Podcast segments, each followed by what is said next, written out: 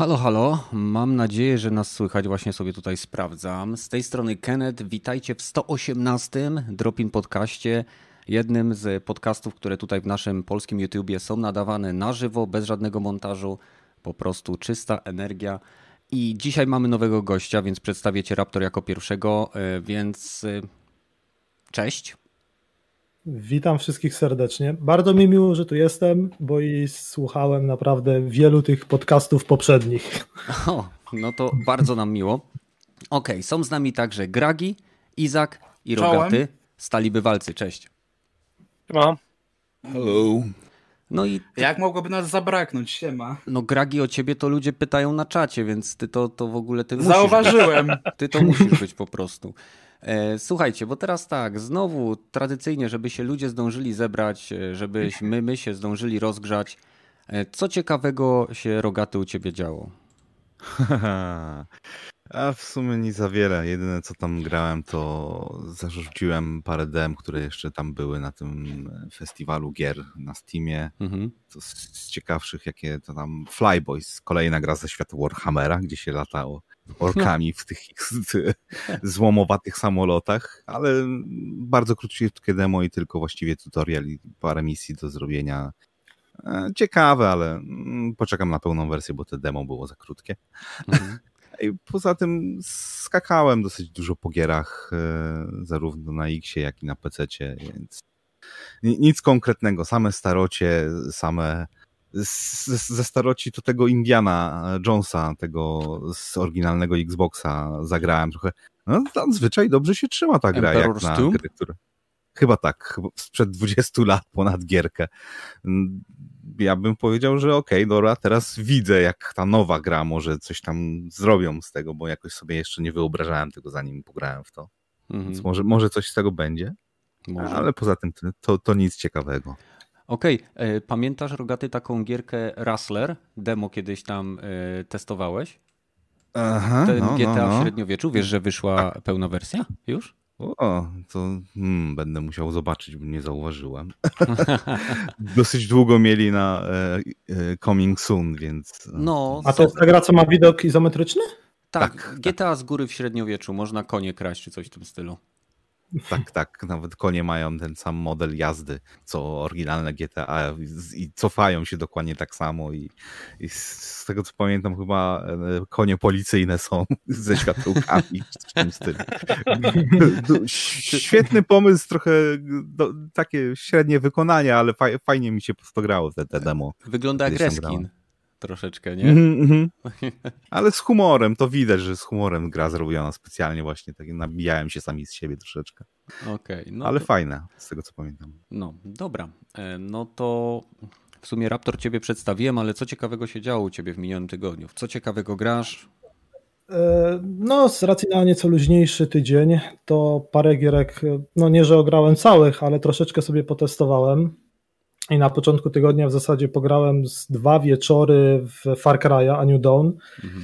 No i no, i, ten no taki nie jestem neonowy? za- Nie, nie, nie. Tamten to wyleciał mi tytuł, ale tamten to był spin-off do trójki, a to jest taki spin-off do piątki. To jest jakby ta na razie najnowsza część. Aha, To jest to taka ta z tymi kolorowy, kolorami Ta, z tym różem, z post-apo róż. Aha.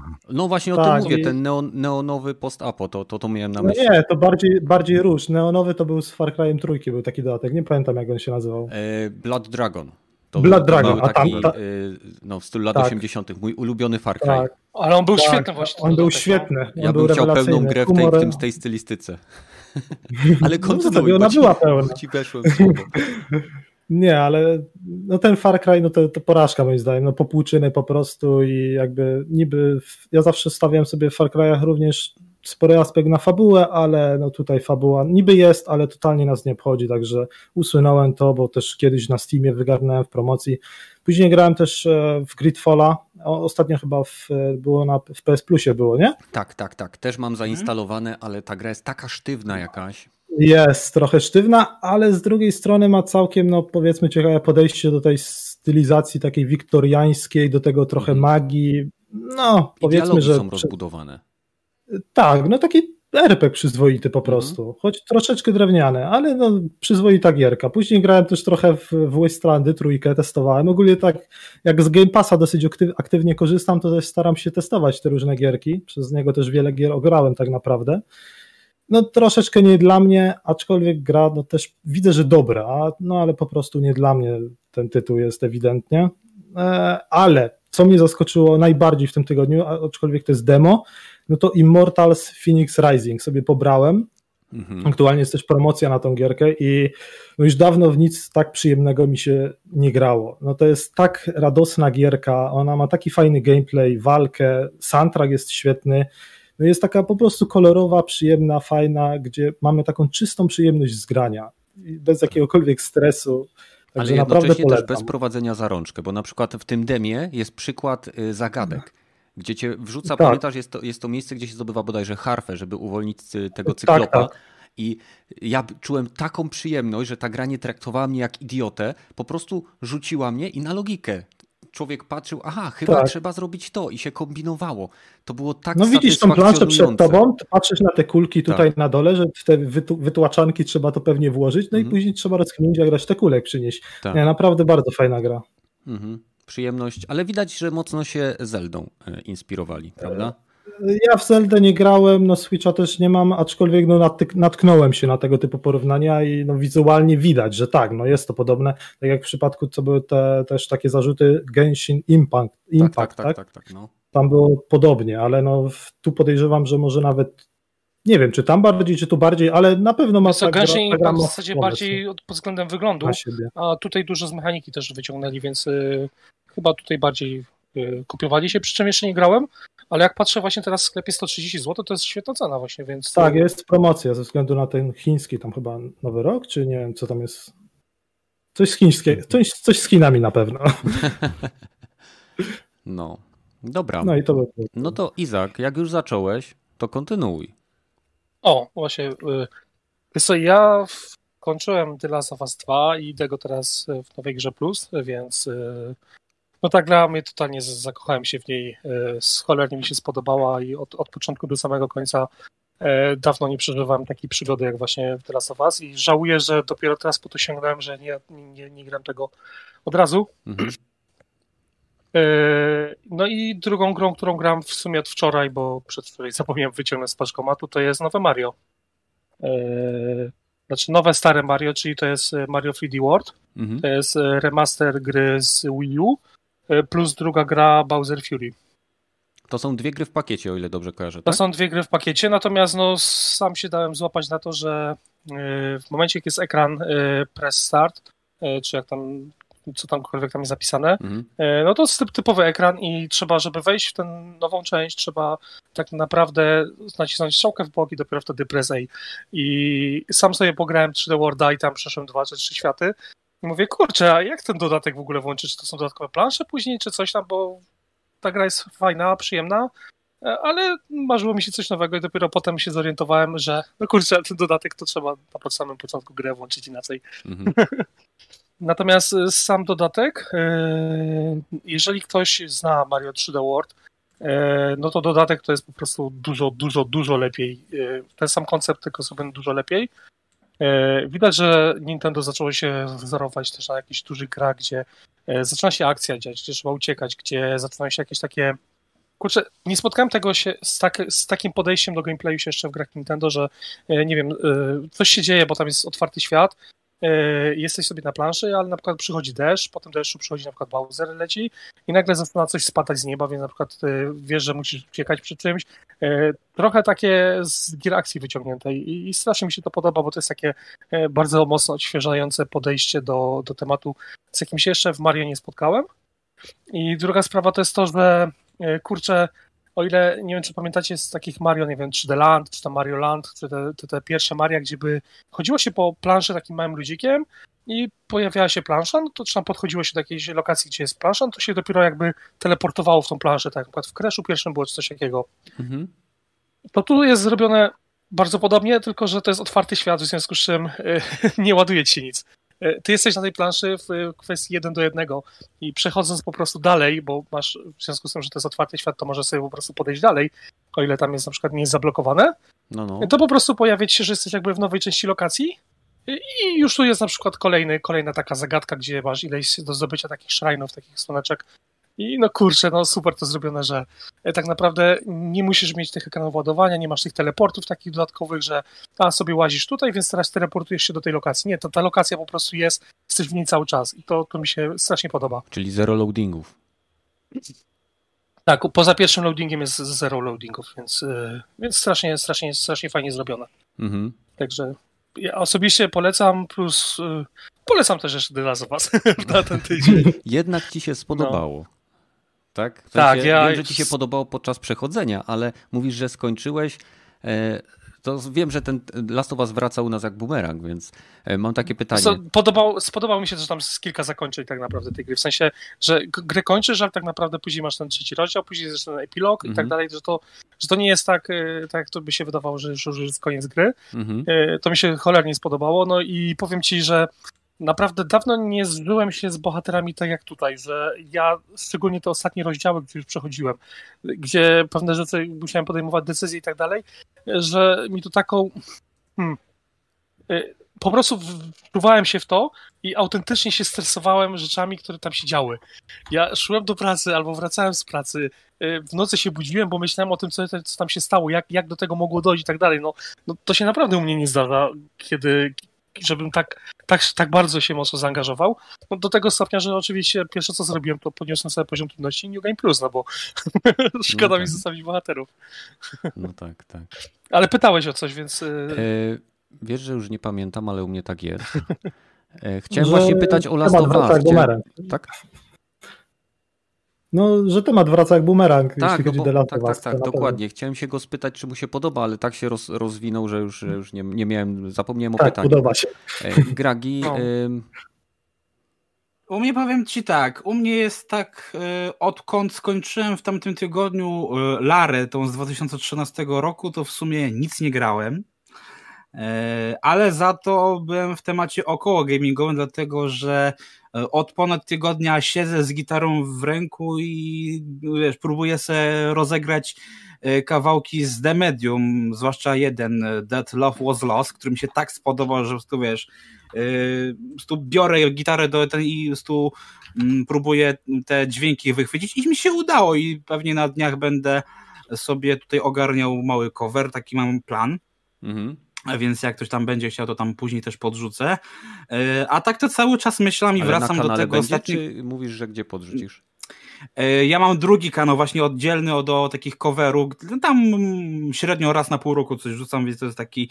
Yy, mówię, jak będzie, to mm, podrzucę, bo mówię, na razie to trochę innymi rzeczami jestem zajęty. Mhm.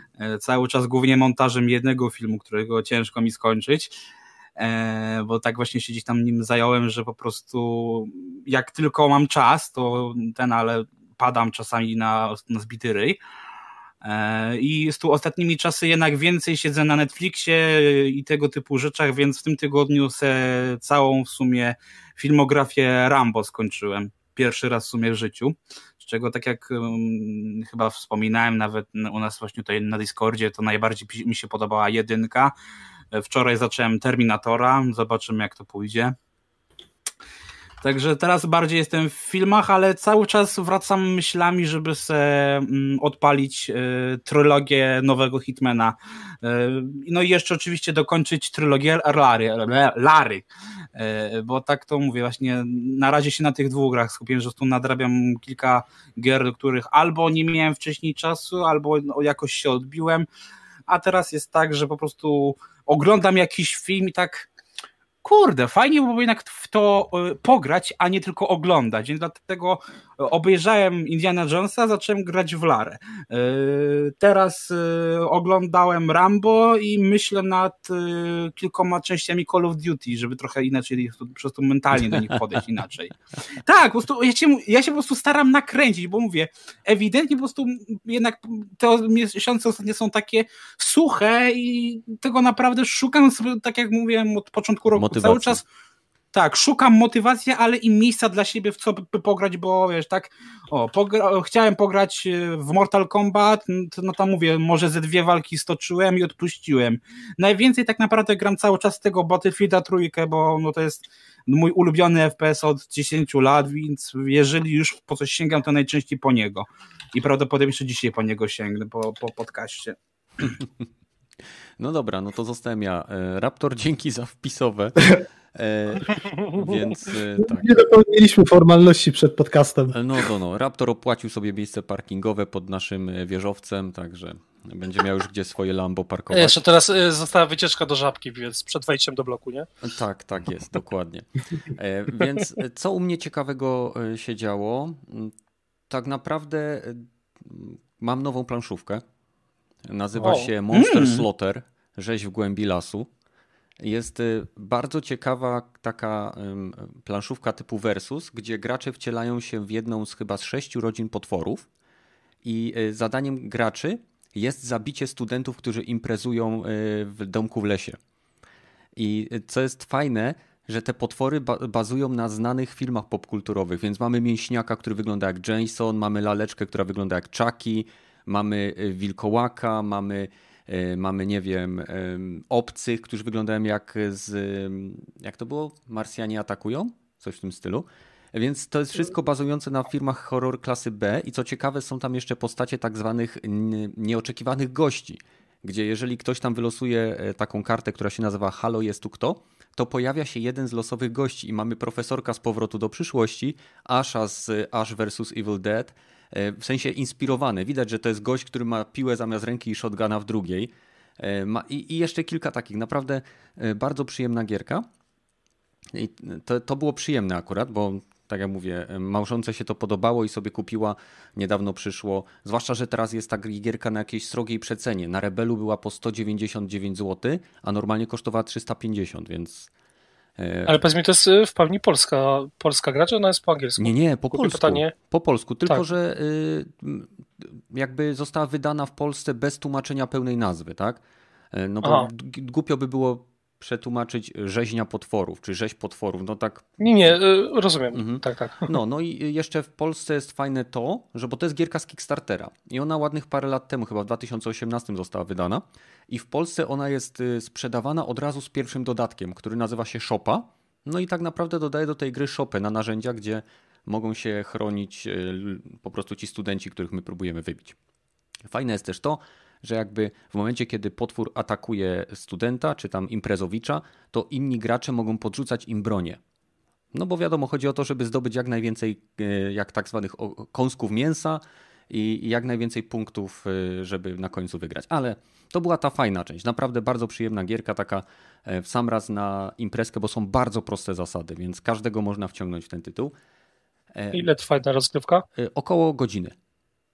Godzina. No, naprawdę, bardzo, bardzo przyjemniutki e, tytuł. E, ale z kolei była też nieprzyjemna rzecz. Chciałem sobie zagrać w Battlefielda 4, e, bo stwierdziłem... I włączyli serwery? Nie, nie, nie. Problem polega na tym, że ja uwielbiam serię Battlefield, więc nie mogłem się powstrzymać. Battlefield miał swoją premierę na jakby końcu życia PS3 i początku życia czwórki. Więc pamiętam, że można było kupić wersję na PlayStation 3 i później się dopłacało chyba 30 zł i się robiło upgrade do PlayStation 4. E, wymagało to oczywiście grania na PlayStation 4 z włożoną płytą z PlayStation 3. Po prostu tak to działało. I, tak ter było, no. I teraz mam taki problem, że nie mogę tej gry ściągnąć w trybie wstecznej kompatybilności na PlayStation 5. Ona, hmm, je, ona no tak. jest y, na mojej liście, włącznie z wszystkimi dodatkami, wszystkimi, bo miałem wykupione wtedy też premium. I wszystko mi się ściąga, ale wersja Battlefielda jest y, określana jako wersja testowa, a jak wkładam płytkę z PlayStation 3, to oczywiście PlayStation 5 nie rozpoznaje tej płytki. Więc, Logiczne, nie? No, będę musiał. No nie. powinno to. Logiczne jest, tylko że tak nie powinno być. No tak. E, prawdopodobnie. Wiesz, w momencie, w którym gra była jakby w ten sposób dawana wstecznie, no to powinno to działać dalej na dalej, skoro to było Mhm. E, na, na czwórce działało. Tak jak mówicie, no nie obsługuje gier, płyt z PS3, no to dlatego to też nie tak, działa. ale PS, PlayStation 4 też nie obsługiwało gier z PlayStation 3, tylko rozpoznawało, że to jest płyta, A. sczytywało numer, że to jest Battlefield i można było grać. Mhm. No ale widocznie Będę się próbował skontaktować albo z obsługą klienta Sony, jeżeli to pomoże, a jeżeli nie, no to nie wiem, do elektroników chyba też teoretycznie mógłbym pisać w sprawie tego, no bo jednak uwielbiam tą serię i chciałem sobie zagrać. Nie chcę grać w piątkę, bo tam mi brakuje, nie wiem dlaczego, ale takiej wertykalności, która jest w Battlefieldzie 4, czyli nie wiem, helikopterów, y, piętrowych budynków. Y, nie wiem, te mapy są po prostu lepsze w czwórce dla mnie. Zwłaszcza z, wszystkimi dodatkami. Więc to było to. Poza tym zacząłem dzisiaj grać w Residenta 2, w ten remake, który był ostatnio w promce. W wolnych chwilach gram krótkie sesyjki po levelu Duma z Nintendo 64. Hmm. A, no i oglądam ostatni sezon Expanse.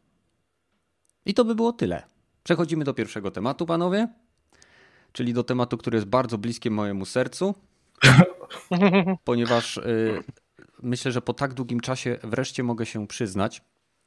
Nie wiem, czy y, mówiłem kiedykolwiek, ale kupiłem Anthem dwa razy. Co? To jest ta jedna Ale osoba. Czyli już masz Anthem 2.0. Y, tak, EA 2, ja 0. Y, motyw był taki, słuchajcie, że miałem gierkę w preorderze zamówioną z dostawą do domu. I przez to, że tam jakieś były, nie wiem, kłopoty, ta gierka mi nie przyszła, tak? I byłem taki napalony, że ona nie przyszła mi w dniu premiery, że tego samego dnia pojechałem i kupiłem sobie po prostu wersję to mówię, a tą to zwrócę. No i tak też zrobiłem, więc bardzo, bardzo w plecy, że tak powiem, nic nie byłem, bo zamawiając przez internet mamy 14 dni na zwrot, a tam nic nie otwierałem. Ale jakby na to nie patrzeć, e, zapłaciłem w pewnym sensie dwa razy za ten tytuł, chociaż pieniądze straciłem tylko raz. E, nie wiem, czy ktoś grał, z Was grał w Anthem? No ja grałem, ale powiem, że i tak nieźle im zaufałeś, bo znaczy ja grałem tylko wersję demonstracyjną mm. i po 15 minutach już wtedy wiedziałem, że nic z tego nie będzie. Inaczej, miałem wręcz poczucie, że zobaczyłem już wszystko. Bo, no. no czasami tak jest, że wiemy, że jakiś tytuł ma potencjał, ale w tym przypadku nie widziałem tego potencjału i w zasadzie po premierze czy po wszelkich kolejnych newsach tylko potwierdzały się moje e, no, te spostrzeżenia z wersji demonstracyjnej, że no, na pewno nie opłacało się tego kupować i że sam tytuł w zasadzie no, miał tam bardzo słabe wsparcie. I, no mhm. i zresztą historię dalej już znamy. Historię znamy, tak. Jason Schreier bardzo ładnie ją opisał. E, magia Bio BioWare. Czyli rozumiem, nikt inny tutaj z grupy nie grał. Ja też chwilę pograłem w demo, czy tam w betę chwilę. I tak samo, latać się fajnie latało, ale też miałem wrażenie, że to mhm. zdechnie szybciej niż e, powiesz raz, dwa, trzy. E, a też znam osoby, które a to spreorderowały, a to dzień w premierzy kupiły, więc też ja jestem tą, która mówi, nie napalia się w ogóle na tę grę i, i dobrze na tym wyszedłem, nie? Mhm. Chociaż jak tam było moment, wiesz, gdzieś tam, że trafia do EA Access, coś tam, no to E, tam raz kupiłem właśnie, żeby pograć, e, tam chyba z 10 godzin pograłem i tak. Eee, no wiesz, może w kooperacji byłoby fajnie i ten, ale no tak to. Tak to kiedyś, no każda gra zyskuje w kooperacji, ale tak to no szału nie ma, nie? Mhm. Więc tak samo myślę, że nikt po tym specjalnie nie płacze i nie będzie płakał już. Mhm. A Rogaty, a ty? Coś miałeś kontakt Dokładnie z tym tak, tak, tak samo. Zagrałem chyba w obydwie e, te bety, czy tam dema, czy co to, to, to było. I też po spędzeniu gdzieś tak godziny, czy półtorej godziny walki z tą grą, stwierdziłem z kumplem też, że a nie, przesiedzę tą, tą, tą część, przesiedzę tą grę od BioWare'a. To już, to już chyba nie to samo, co BioWare kiedyś, więc mhm. odpuściłem zupełnie. Okej, okay, ale no rozumiem, że graliście i czy jest jakiś element w tym, co, czego doświadczyliście, który wam się spodobał? Latanie. Gragi, okej. Okay. Raptor? Hmm, no, nie wiem, no może trochę to latanie, bo strzelanie było takie strasznie nijakie. Te mapy były bardzo puste, jak już się było na ziemi, widoki z góry były ok, ale tam już nic nie było na dole, jak się wylądowało. Przeciwnicy też, y, oni się tam chyba rozpuszczali wręcz, wręcz po obstrygnięciu Thanosa, czy jakoś tak, także to też zabijało jakąś tam imersję, że się walczyło z, z jakimiś faktycznymi potworami czy nie wiem, z czym tam się właściwie walczyło. No, Także trochę latanie, ale. Samo BioWare nawet... nie wiedziało, z czym, z czym walczyło, jak tworzyło ten tytuł. No, Dokładnie. Rogaty? Szczerze mówiąc, to nic za bardzo. Nawet latanie, bo te loadingi pomiędzy lataniem i te doczytywania, jeżeli ktoś od ciebie odleciał za szybko mhm. E, i cię A, miałeś 30 sekund na, na dolecenie, albo cię znowu loading czekał, to, to tak, tak psuło problemy techniczne tą grę, że, że nic mi się tam nie podobało. Że Chociaż nawet... ciekawe, jakby dzisiaj z tymi ładowaniami było na, wiesz, na PS5, na SSD, nie? Właśnie, właśnie stwierdziłem, ładowania tylko szybsze. Chcecie zainstaluję, to zainstaluję i mogę wam zrobić live streama z Antema. Zobaczymy, czy tam są jeszcze jakieś e, żywe dusze. Tak, właśnie zainstaluję chyba tą grę, też chyba w Game Passie jest za darmo. To sobie mm -hmm. zobaczę może tym razem. Może, okay. może jeszcze zobaczę. E, rozmawiamy o Anthem, ponieważ w tym tygodniu, który minął, przynajmniej z informacji, które znalazłem, EA miało pod, podjąć decyzję, co się będzie działo dalej z projektem Anthem 2.0. E, jeżeli kojarzycie lub nie, ja, ja śledzę to, bo mnie osobiście bardzo podobał się w Anthem system latania. Był to według mnie najlepiej zrealizowany Iron Man w historii y, gier latanych. E, I bardzo mi się podobała ta dynamika jakby lotu, możliwości zawiśnięcia w powietrzu, prowadzenia walki z powietrza, zejścia na ten na ląd. Wszystko inne leżało, ale ten konkretny element, y, czyli latanie i przemieszczanie się po świecie, dla mnie były i nadal są fenomenalne. Więc śledziłem ten tytuł i jego rozwój. W chwili obecnej nad tym tytułem, nad Anthem 2.0 pracuje około 33 osób, 32, ponieważ y, pro, y, lider projektu został przekierowany do, o ile dobrze kojarzę, Dragon Age'a. Więc znowu mamy zmianę w kierownictwie nad tym tytułem. Jakiś czas temu chyba w, na początku, pod koniec zeszłego roku albo na początku tego był jakiś post, który pokazywał y, planowane zmiany, czyli będą miały być wprowadzone drzewka progresji dla javelinów, drzewka progresji dla, dla samych pilotów, możliwość kraftowania oraz y, będą miały być stworzone frakcje, które, z których każda miała mieć swoją charakterystyczną stylistykę broni i tak dalej, i tak dalej. Tego, tego jakby mieli, pracowali nad tym, co powinno być w tej grze od samego początku. Jeżeli ktoś gra w Division, to mniej więcej wie o co chodzi. Mamy różnych producentów broni, mają różne statystyki, możemy craftować i tak dalej. Typowy looter, tak? Jeżeli ktoś śledzi Outriders, które będzie miało demo 25 lutego i będzie to demo trwało aż do premiery 1 kwietnia, to tam też mamy różne klasy postaci, mamy różne bronie, te bronie mają różne dodatki, można to craftować. Dobrze zrobiony system lutu po prostu trzyma takie gry przy życiu. I teraz ja osobiście bardzo bym chciał, żeby elektronicy pozwolili tej małej ekipie, no bo to jest 30 osób, tak?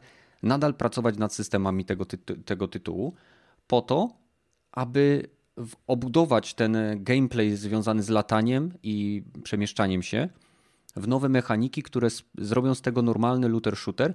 I chciałbym też, bardzo bym chciał, żeby przebudowali świat w taki sposób, aby gra została wydana już tylko na, na, na następną generację, na, na obecną generację sprzętu, nawet jako tytuł free to play dla mnie osobiście, bo e, nie ma, nie ma drugiego, jeżeli byś, nie ma drugiego takiego tytułu jak Anthem w chwili obecnej. Wszystkie lutery opierają się na e, przemieszczaniu się na, na pieszo, po świecie, gdzieś tam, wiecie, chodzimy, ewentualnie wskakujemy. Tutaj ta wertykalność, możliwość latania, prowadzenia walki w powietrzu, Y, jest najfajniejszym, najfajniejszym jakby aspektem.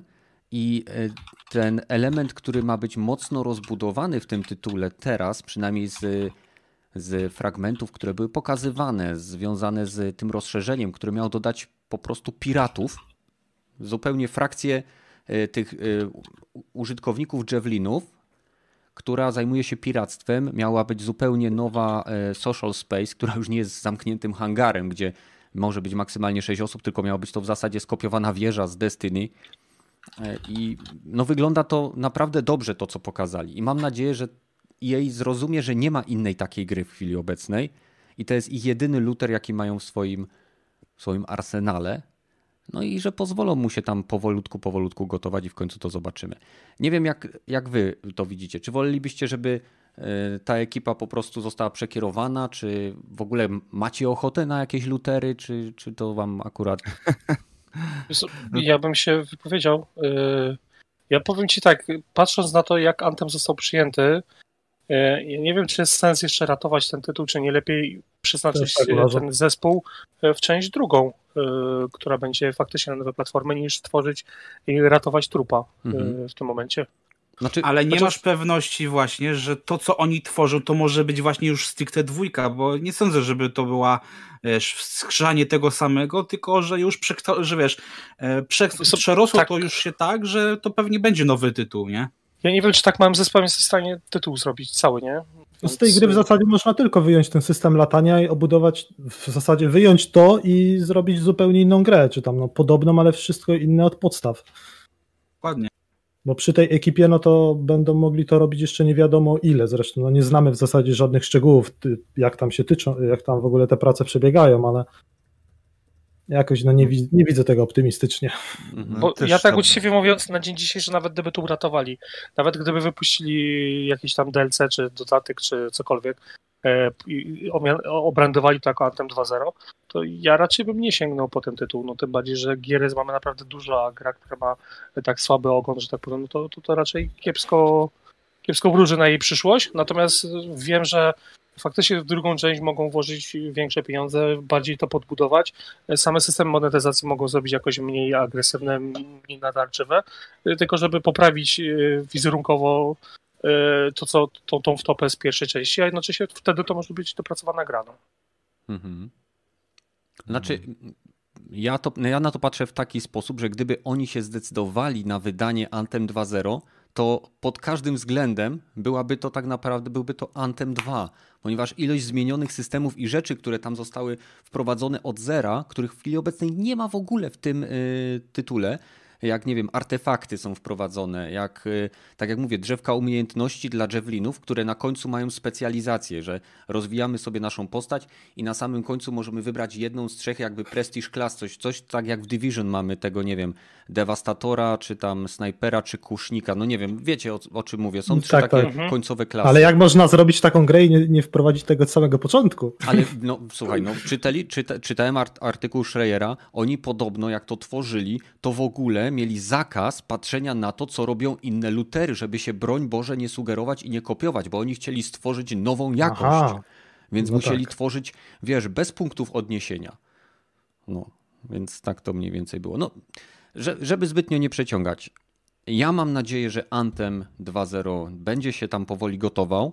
Mi się nie spieszy. To jest 30 osób, więc dla firmy takiej jak mm. EA utrzymanie takiego małego zespołu to nawet jest mniejszy wydatek niż opłacenie parkingu, na którym stoją samochody według mnie. Ale że, mhm. że, że EA jest skąpe na kasę, no to też z punktu widzenia, żeby tokolwiek, cokolwiek zrobić, to 30 osób tam nic nie zrobi. To jest taki koncept, koncept y, do, do robienia pomysłów do gry, mhm. ale żeby to wyskalować, żeby coś z tego zrobić, to oni by musieli co najmniej do 300 osób dobić ten, ten zespół, a to się nie stanie w świecie EA. Być Ta może tak. Zbyt, być może tak. Zbyt spalona dla EA, żeby wrzucać do, do, dorzucać do niej więcej kasy, żeby na nią więcej wydawać, moim zdaniem. No tam może rzeczywiście może jakby Anthem 2.0 wyszło, to może by, może okej, okay, to przemieńcie to na Anthem mhm. dwójkę, jakoś to tam połatamy i coś z tym zrobimy, ale jako dodatek do Anthem 1 to raczej nic z tego nie będzie. Nie, to tak jak mówię, to by była zupełnie według mnie nowa wersja gry, tak jak się ściągał e, Cyberpunk e,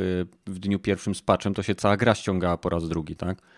E, chodzi mi o to, że według mnie ten zespół, który teraz działa, te 33 osoby, 32 osoby, to jest zespół, który opracowuje systemy, których ta gra w ogóle nie ma. I w momencie, kiedy on opracuje e, te systemy w wersji kon koncepcyjnej, czyli papierowej najzwyczajniej w, sklecie, w świecie, za pomocą diagramów, jak co ma działać, bo tak się to robi, to później ewentualnie, jeżeli jej to zaakceptuje, to mogą przypisać do tego odpowiednie osoby. Nie wydaje mi się, żeby musiało się to rozrosnąć do 300 E, osób, ponieważ de facto świat gry w stopniu, w jakim jest tam i te elementy, e, cały ten świat jest już stworzony. Modele, animacje, wszystko jest. Tak? Więc nie, nie, według mnie niepotrzebny jest zespół 300-osobowy, żeby tworzyć dalej ten, ten tytuł, ale to jest Electronic Arts. Oni potrafią podjąć decyzje, które, które po prostu no, nie mieszczą się w żadnej, w żadnej głowie, która akurat tutaj siedzi. O, może w ten sposób. Dobra, przechodzimy sobie dalej. Gorący temat tego tygodnia. Powiem wam szczerze, że kiedy pierwszy raz o tym przeczytałem I to było w pracy. Ja usłyszałem w radiu. A ja nie, ja właśnie mam, y, jak macie telefoniki z Androidem, to on ma coś takiego jak Google Newsfeed. I to jest y, w tych najnowszych Androidach zupełnie po lewej stronie, no i tam Google wyświetla ci informacje, które cię interesują, które sam najczęściej oglądasz, więc to jest na takiej zasadzie, wiecie, promowania rzeczy, które już i tak byś szukał. I tam czytam sobie, że CDPR zhakowany i sobie tak myślę, nie, nie, nie, jakieś jaja, tu wydali ten, wydali Cyberpunka, nie, grę tysiąclecia i teraz ktoś z zemsty ich hakuje, nie, no bardzo dziwne. Ale jak zacząłem czytać, no to przyznacie się, że chyba ktoś tam został zwolniony, nie? Hmm. Bo ja wiem, dlaczego. No słuchaj, no ktoś jest odpowiedzialny za zabezpieczenie. Nie da się, według mnie powiem ci tak, y, nie wiem jakie. Wiesz, takie instytucje padały już ofiarami hakerów, że tu nikt nie musiał, nie musiała być, nie musiała być żadna wtyczka w zasadzie. Nie mówię, że musiała być wtyczka, tyle tylko, że y, skopiowanie iluś terabajtów danych to nie jest jeden dzień, to nie jest pół godziny. Oni im ukradli kody źródłowe w zasadzie wszystkiego, co mieli na swoich serwerach, pliki i dane dotyczące osób, korespondencji, wszystko. I to, jest, to był proces, który musiał trwać dniami, jak nie tygodniami. I, nie, I w tym momencie administrator sieci, ja się nie znam, tak? Może się mylę, ale. No. Administrator sieci takich rzeczy nie przegapi, ale w momencie, w którym pracujesz zdalnie i te terabajty sieci biegają, latają tam i z powrotem, to dużo łatwiej przegapić, czy nawet nie zauważyć, że kolejne terabajty wyszły gdzieś tam y, na jakieś IP, mhm. niż y, faktycznie, gdyby to były warunki normalne, że siedzisz w biurze i tyle, i twój serwer jest obciążony. Aha, czyli myślisz, że to mogło być niewykryte ze względu na to, że w czasach panującej nam e, pandemii. No, tak, no jeżeli masz pracę zdalną i potrzebujesz mhm. coś, nie wiem, choćby testerzy, czy jacyś tam deweloperzy, oni codziennie ściągają te, te, te wersje tej gry i to po prostu ściągają raz za razem, no to naprawdę tam gigantyczne ilości danych się przesyłane są na, na serwery, które to obsługują zdalnie gdzieś tam i tak dalej. No więc wydaje mi się, że w momencie, w którym administrator niekoniecznie e, dla niego wyciągnięcie czy transfer jakichś dużych ilości danych jest czymś dziwnym. To jest typowa rzecz, e, która w sieci po prostu się cały czas dzieje, więc ciężko. Wydaje mi się, że dużo trudniej to zauważyć w tym momencie. Mhm. No nie, nie, nie pomyślałem o tym, że teraz faktycznie przez tą pracę zdalną to łatwiej by było ukryć przerzut tak dużej ilości danych. A jak sądzicie, czyli załóżmy, że nikt nie zostanie zwolniony, czy reakcja CD Projektu była słuszna i czy to była, tyl, czy to była tylko zasłona dymna, podczas gdy oni negocjowali faktycznie z hakerami, że tak powiem, za kulisami, czy faktycznie, że tak powiem, postawili się im twardo, nie, nie ugięli się i Chyba, chyba nic by nie zyskali z tego, jakby kupili to od hakerów, bo nie masz no żadnego. Tak nie, ma, nie masz, bo właśnie hakerzy i tak to były mieli, nie masz żadnej gwarancji, że i tak by tego nie sprzedali gdzieś komu, komuś dalej. Czyli byś praktycznie zapłacił za swoje rzeczy, a nie miał żadnej gwarancji, że, że dalej będziesz miał zagrożenie takie, że to wszystko wycieknie prędzej czy później, bo to e, ra, raczej honor wśród złodziei nie jest zbyt duży, jeżeli chodzi o hacking na taką skalę. Ja zadam pytanie, bo już próbowałem się dowiedzieć, przeczytać i do dzisiaj nie doszedłem. Ja rozumiem dane wrażliwe, tam dokumenty firmy e, z danymi osobowymi ludzi, to ja rozumiem, że to są rzeczy, ale co da komuś posiadanie kodu źródłowego tych trzech gier, które... O, możesz się bardzo dużo nauczyć na temat, jak się robi dane rzeczy. O ile nie jestem pewien, że o ile na przykład amerykańskie firmy nie wykorzystałyby żadnego takiego kodu, bo by mogli być pociągnięci do odpowiedzialności Ale Daleki prawnej, Wschód. Ale właśnie, Daleki Wschód, no co, przynajmniej wiemy jak się to robi. Mhm. Właśnie to, to jest największy. Aha, czy tam... taki know-how, jak to się mówi. Yy, tak, no, ale to no, też dokładnie. nawet chodzi o to, że kiedyś, nie pamiętam co to była za gra, ale Valve e, miało wyciek e, kodu źródłowego z Half-Life'a dwójki i tak. E, później e, cheat, narzędzia do cheatów, które powstały w oparciu o ten kod źródłowy, były bardzo trudne A. do e, wykrycia, były bardzo trudne do jakby zatrzymania, ponieważ wiedziały dokładnie, co mają robić, żeby to działało tak, jak powinno działać. Więc oni później musieli przebudować cały swój system antycheatowy, a w przypadku CD Projektu, no tylko w przypadku Gwinta mogłoby mieć to jakikolwiek wpływ, bo większość ich gier to są gry singlowe.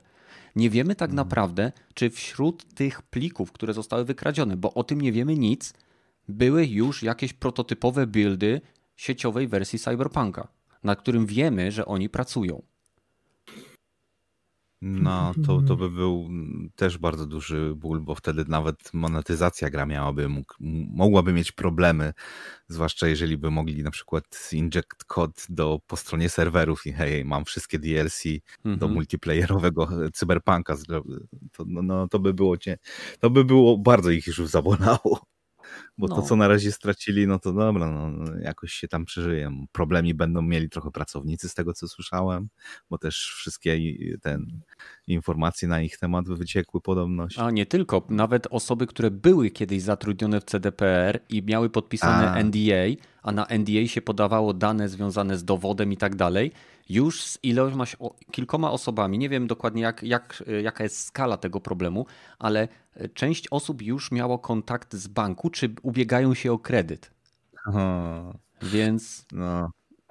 tutaj to myślę, że jakby utrata y, tych danych związanych z kodami źródłowymi nie jest taką tragedią, ponieważ to już wypłynęło. Oni nie mają jakby żadnej kontroli nad tym. co się z tym stanie, to zobaczymy.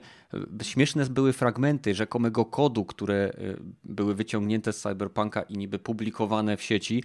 Tam były kody, że jeżeli akty aktywność gracza jest nielegalna, to zespałnuj policjanta A. za plecami, coś tam. tak, coś. widziałem.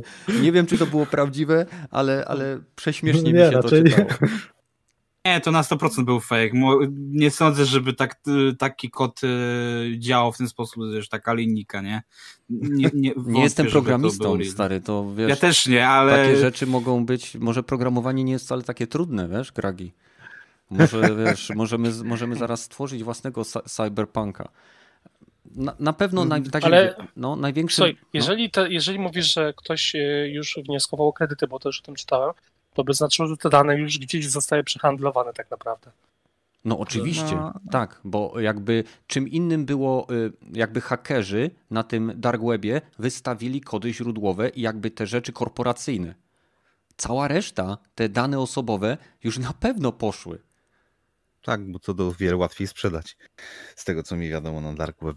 Mhm. Ale też no, z tymi informacjami, że ktoś to już podobność kupił i już nie będą tego udostępniać, to też takie już właśnie, no dobra, no to CD Projekt wynajęło kogoś, żeby to kupić? E, czy to no jest rzeczywiście to ktoś to kupił? Czy, czy, czy albo absolutnie e, cyberpunkowy świat i CD Projekt dało ten obra, jak, jak wy chcecie wystawić nasze dane, to my wystawimy Headhuntera na was. Ta sama cena, co, będzie, co, co żądacie od nas, będzie Headhunter. Ciekawe, kto wygra. To by był najlepszy. będą, taka... będą o tym robić filmy. Pasikowski tak. zrobi filmik. Nie inna rzecz ciekawi w tym temacie, bo wiesz, też jest taka kwestia, że w sumie też, to mówię, ja wiadomo, to, to tak nie jest, ale jak ja to zobaczyłem, nie, pierwszy ten, to pierwsze co pomyślałem to jest to, co oni kilka dni temu mówili, że a, mamy jakieś tam problemy z y, tymi plikami dowodów, które wam udostępniliśmy, można tam utracić pewne rzeczy, dane i, i wiesz, lepiej tego nie pobierajcie.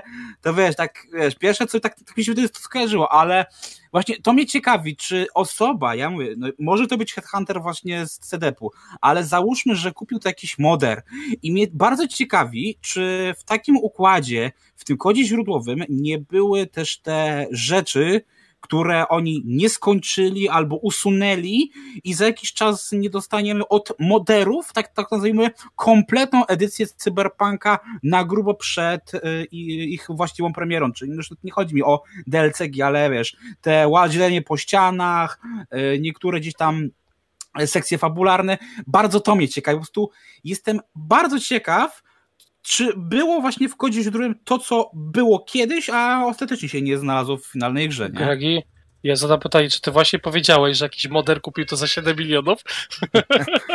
Nie, ja Moder, który kiedyś kupił trochę bitcoinów. nazywał się Tencent. Nie, nie właśnie, mnie, właśnie to, to ciekawi, bo mówię, załóżmy, nie, bo na pewno tego nie kupił Moder, ale to byłoby bardzo ciekawe, czy E, Gragi, czy po Gragi, prostu ty... słuchajcie, bo wy no. też tak mówicie, nie mógł kupić tego model. Jak kupił y, akcję GameStopa, to mógł kupić. No właśnie.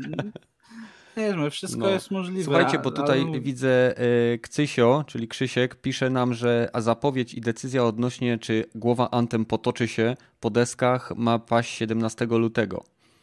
Co jest ciekawe. O, wtedy robimy live podcast na żywo. Live podcast. Ale wiesz, na, nagramy wcześniej. Nagramy wcześniej i zrobimy podcast na żywo. 17 po prostu włączą live'a, pokażą tylu mamy na serwerach, no niestety musimy wtyczkę odpiąć. Tak, będzie tylko taki live, gdzie gościu siedzi przy klawiaturze Alt, Control, Delete i koniec. E, dobra. Jeżeli chodzi o CDPR, mam, mam wrażenie, że tak naprawdę im to bardziej nie zaszkodzi. E, długoterminowo, bo e, tak naprawdę ten biedny gość, który robił to ogłoszenie, który wygląda jakby stracił w zasadzie wszystko, Iwiński, tak? Marcin, o ile dobrze kojarzę. Okej, okay, słuchajcie, bo y, przez chwilę miałem informację, że zostaliśmy rozłączeni. Nie wiem, co straciliście, ale jeżeli nie straciliście zbyt dużo, to mówiłem o tym, że CD Projekt nie, nie straci zbyt wiele w tym, co się y, wydarzyło. Najgorzej i najbardziej stresująco, czy najbardziej zestresowany jest pewnie pan Iwiński, który już na materiale z przeprosinami wyglądał na zniszczonego przez wydarzenia. Więc więc e, zobaczymy, jak to wszystko im się potoczy. Przechodzimy do bardziej pozytywnych informacji. GTA 5 sprzedało się w ilości 140 milionów kopii. I teraz oczywiście powstaje pytanie, czy mówimy tutaj o wszystkich platformach, na które to wyszło, a za niedługo pewnie będzie można w to zagrać w najnowszym modelu Tesla i w lodówkach Samsunga. Więc e, zakładam, że to są absolutnie wszystkie platformy, prawda? No tak. Na pewno. Sam patrzę teraz. Pewnie, pewnie nawet z, z, darmowo rozdanymi wersjami na, na Myśl, Epiku. Myślisz, że tak darmówki tak też liczyli? Że są aż tak bezczelni? Ja myślę, że jak już... Mi się wydaje, że tak. Jak już liczyli, One też generują zysk. Liczbę, to hmm. wiesz, no kupujesz te karty, jakby nie było później, jak już, wiesz, kupiłeś grę za darmo, czy tam dostałeś ją, no to łatwiej ci będzie w tym momencie wziąć, kupić ten, tą kartę, niż e, wiesz, kupiłeś na premierę, wydałeś tam 300 i tak się jeszcze wydaje, po co ci teraz te karty, nie? Mhm. Mhm. Hobbition, y, będziemy mówili o nowej planszówce Wiedźmina w tematach nieplanowanych, także zostań z nami. Y, ja osobiście teraz patrzę na kopię GTA 5, którą kupiłem na PlayStation 4. Jeżeli otworzyłbym pudełko, y, które mam pod nogami, na którym tak naprawdę opieram nogi, gdzie mam wszystkie gierki z PlayStation 3, to tam bym wyciągnął pudełko GTA 5 z PlayStation 3 E, I mamy też. GTA... Ja sam też kupiłem wersję na PlayStation 3 i później kupiłem na PlayStation 4. No właśnie. A jest też. A i trzeci raz na PC. Ale na PC dostałem za darmo. No ja też z Epika. Epika, dokładnie. E, no i teraz tak, 140 miliony, milionów sprzedanych kopii. Najbardziej dochodowy produkt medialny w historii produktów medialnych. Czy Biorąc pod uwagę, jako, jakie ogromne zyski GTA 5 przynosi y, Rockstarowi, tak? 2K Games i w ogóle, czy myślicie, że im się spieszy, żeby zrobić GTA 6, czy będą siedzieć na tym tak długo, aż wydanie GTA 5, 6, przepraszam, będzie takim opadem szczęki, jak dla mnie był Red Dead Redemption 2 pod względem ilości detali świata? Wiesz co, wydaje mi się, że po umiarkowanym sukcesie online'owym Red Dead Redemption, oni jeszcze bardziej ostrożni, jeszcze bardziej zestresowani patrzą na kolejną część GTA, bo to nie jest tak, że wypuszczą kolejną część GTA i e, pomimo tak dopracowanego świata to będzie po prostu murowany hit, jak pokazało właśnie Red Dead Redemption, więc e, na chwilę obecną przypuszczam, że im się absolutnie nie śpieszy, bo oni jeszcze są w stanie wydać jakiś nawet dodatek fabularny pewnie, który już od dawna jest przygotowany, żeby tylko jeszcze podbić sprzedaż, e, a przecież sami zapowiedzieli, że na PlayStation 5 przecież ma wyjść to GTA 5, więc. Mhm. E, I będzie jeszcze na nowe konsole. No. No, no, no, powiedział, powiedział. Właśnie.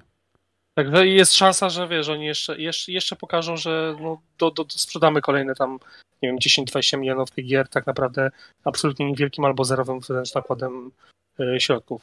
Mhm. Ale ogólnie to teraz któryś z Was gra w GTA 5 online lub w jakikolwiek inny tryb? Nie. Ja GTA, GTA tylko dla mnie był singiel.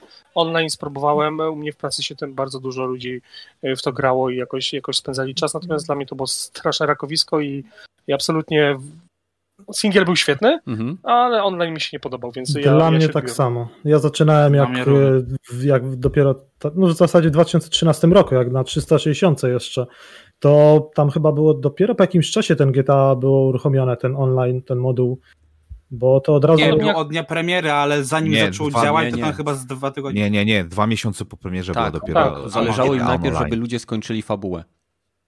No Pod właśnie. pretekstem, że tak naprawdę kończyli online. Zainteresowanie było naprawdę duże, bo pamiętam, że i tak chyba z dzień, czy przez pierwszy dzień, dwa, to i tak nie mogłem się w ogóle zalogować. Ale mm. dla mnie i tak mm -hmm.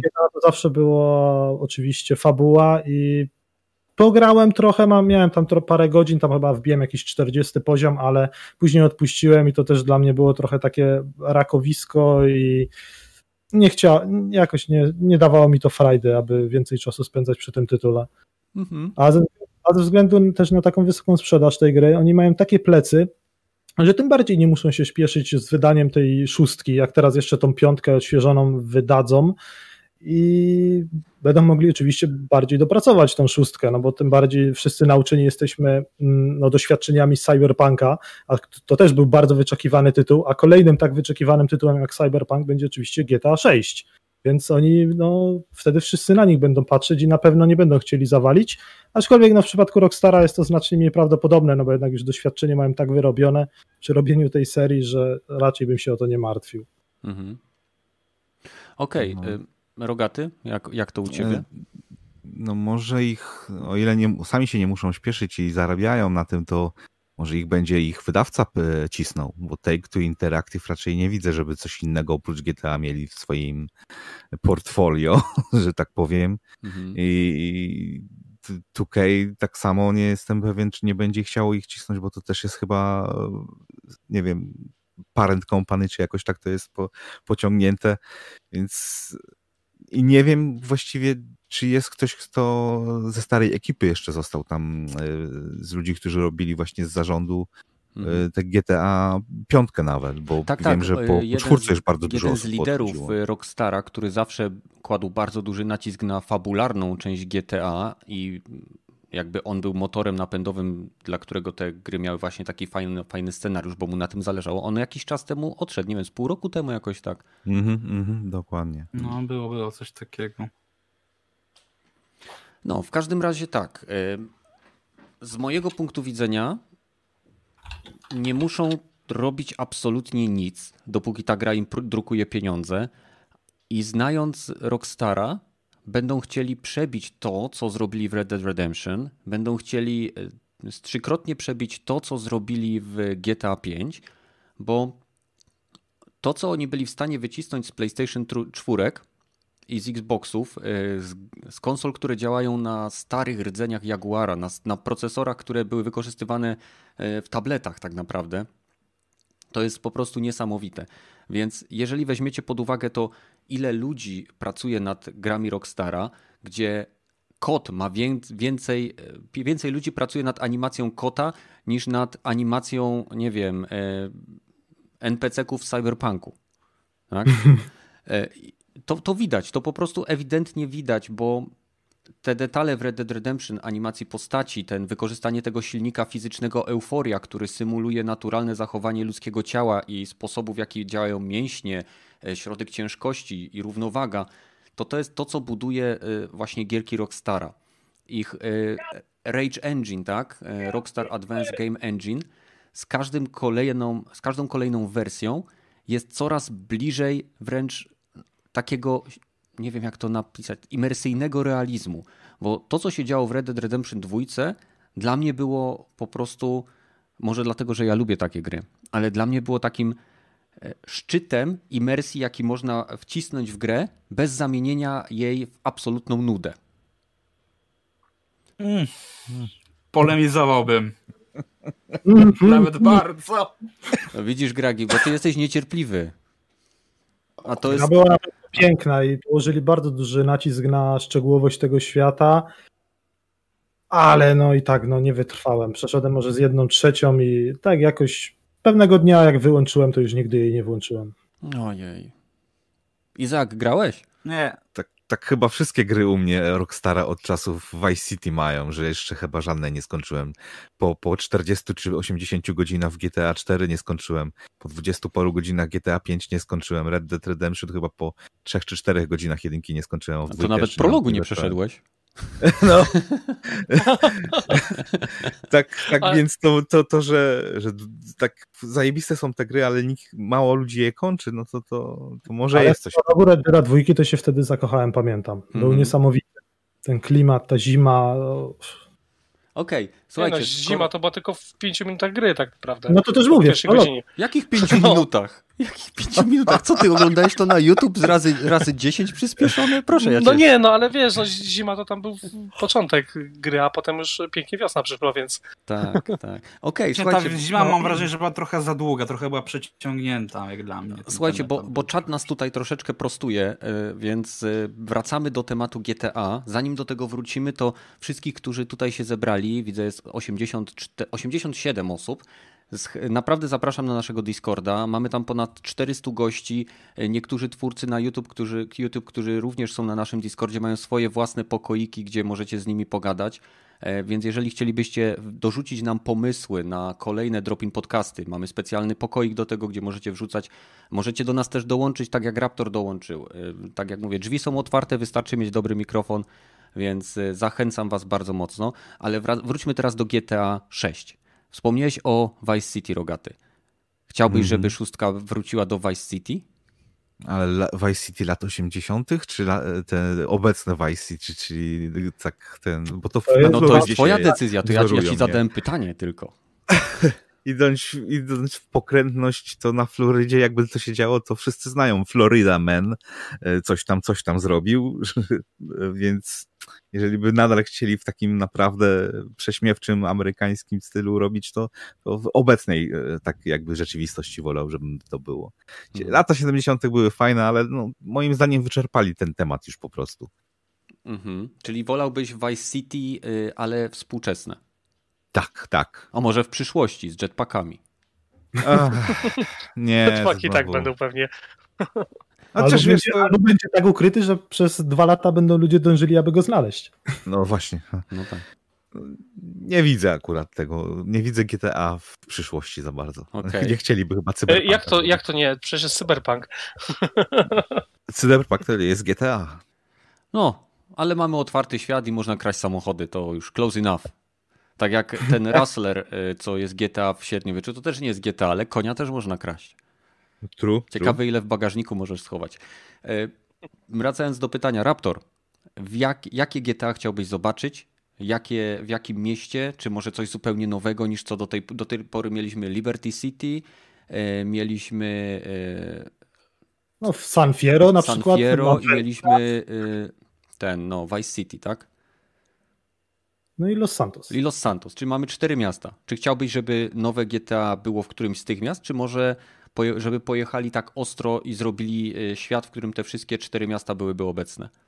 Nie, ja nie mam takiej potrzeby, żeby mieć jakąś mega potężną mapę. Zdecydowanie bardziej wolę coś skondensowanego, żeby było więcej tego wszystkiego na mniejszym obszarze. Jak w Cyberpunku? Jak na przykład hmm. właśnie w Night City. Mhm. I jednak też nie potrzebuję odwiedzania jakichś nowych lokacji. Zdecydowanie mi wystarczy to, co było. No, oczywiście moje serduszko należy do Vice City, więc tylko i wyłącznie bym chciał. No, mam taką gorącą nadzieję, że po prostu udamy się do Vice City. Aczkolwiek Rogaty tutaj fajnie zaznaczył, że już w tej chwili raczej no, nie, udałoby, nie udałoby im się odzwierciedlić tak dobrze, tak jak kiedyś, tego klimatu lat 80., w zasadzie tam można by powiedzieć. Także nawet jeśli mielibyśmy do czynienia ze współczesnymi wydarzeniami, to i tak byłbym jednak za Vice City. Jednak te plaże Miami, ta, ta najbardziej charakterystyczna ulica, to już sam fakt, że mógłbym się w nowej jakości przejechać po tej ulicy, to już bym taki, taki bym, takie bym miał radość, że nie do opisania.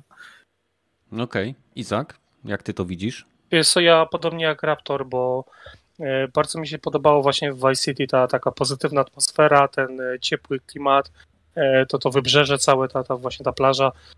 I do dzisiaj to jest jedna z gier dzieciństwa, które gdzieś tam pamiętam, dobrze wspominam. GTA 4 na przykład, tam było Los Santos, dobrze pamiętam? Nie, Nowy Jork. Liberty City. Liberty City. Właśnie, tak. Liberty City. Też mi się podobało, choć wydaje mi się, że już było troszeczkę bardziej poważnie i E, GTA mi się kojarzy z taką absolutnie pozytywną, e, pozytywną grą w tym momencie, takim oprócz tego, że, że, że to jest rekowisko, ale ten świat jest zawsze taki pokazany, e, mimo że tam sytuacja jest jaka jest, to to jest takie zawsze ciepłe.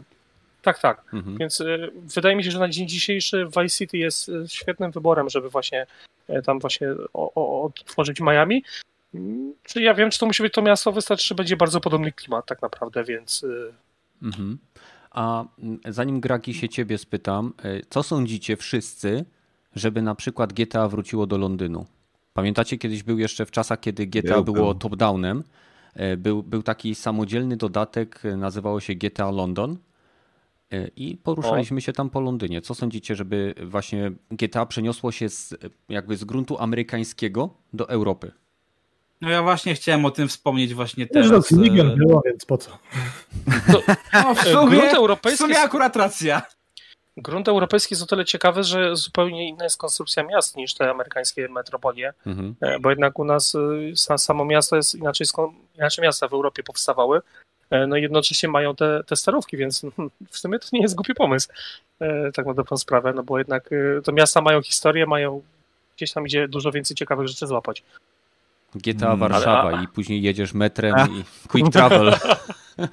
GTA Warszawa to jest cyberpunk, więc masz. No, no, tylko troszkę no, miasto. No metro jest. No metro, nie ma metra. Jak? Przecież w cyberpunku nie ma tych kolejek, nie ma metra. Jest, tylko nie w Warszawie też nie ma metra. Tylko no nieskończone. No, no, a no, a, fakt. Jaka bezpośredni easter egg. Wow, no, no pomyślałem o tym w ten sposób, że w, w Night City mają metro, ale niedokończone i że to jest tak naprawdę Warszawa przyszłości. O, o może być. E, czyli tak naprawdę wszyscy skłaniamy się bardziej do miejsc, które już gdzieś tam w serii GTA się pojawiły. E, nie macie na przykład, nie wiem, GTA Wietnam albo nie, nie wiem, Tokio? Nie! Albo wiesz, nie właśnie, właśnie to samo chciałem powiedzieć, że prędzej jeszcze bym zobaczył w tym momencie z tych krajów azjatyckich takich właśnie Tam mamy mafię, Jakuzę, Triadę. E, no jest tego troszeczkę, tak? Bo pamiętajcie, że GTA zawsze się jednak obraca w, jakby w kręgach przestępczych, więc musimy patrzeć do, na miejsca, gdzie przestępczość ma takie ikoniczne, łatwo rozpoznawalne charakterystyczne, nie wiem. Czyli Włochy, tak? Sycylia? Na przykład Włochy, no. Y, tak, tak sobie po o, prostu. O Jezu, tak. No, ale to nawet mafia byłaby.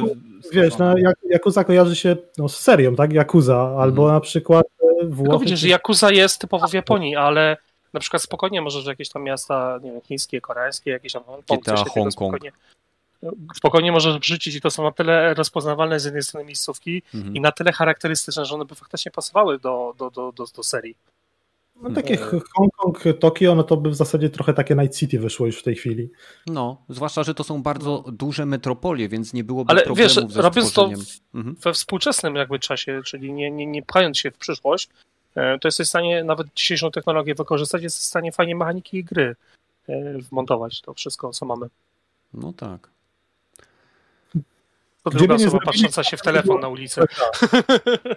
Ostatnie GTA było jestem. Tworzone przez ciekaw ile? Jestem, 7 czy... lat chyba, nie? Hmm. Jakoś tak. Jakoś tak. Od czasu premiery GTA 5 minęło już ponad 7 lat. W tym czasie wyszło Red Dead Redemption 2. Czas produkcji się wydłuża. Czas Wiesz co, musisz chyba no. patrzeć na czas, od kiedy skończyli Red Dead Redemption, że od wtedy pracują nad GTA 6. Nie, wydaje mi się, słuchaj, no. oni mają tylu ludzi, że na pewno w momencie, kiedy ktoś pracował na Red Dead Redemption, już były fazy koncepcyjne i, i, oni już wiedzieli wtedy, co będą robić, kiedy skończyli Red Dead Redemption 2, już wiedzieli, jak będzie wyglądało GTA 5. Nie wydaje mi się, żeby to było... Tak mała ekipa zawsze pracuje, a główna siła była przy Red Deadach. Mhm. No tak samo jak w CD Projekcie, już teraz gdzieś jest jakiś mały pokoik, gdzie, nie wiem, trzech studentów po podpisaniu NDA wymyśla nowe koncepcje na kolejnego Wiedźmina. No, Zastanawiają się, jak spłacić kredyty, no, które zostały na ich zabrane. Dokładnie. Teraz już mają dopisane, że muszą pracować dalej, bo mają kredyty, które pobrali do spłacenia.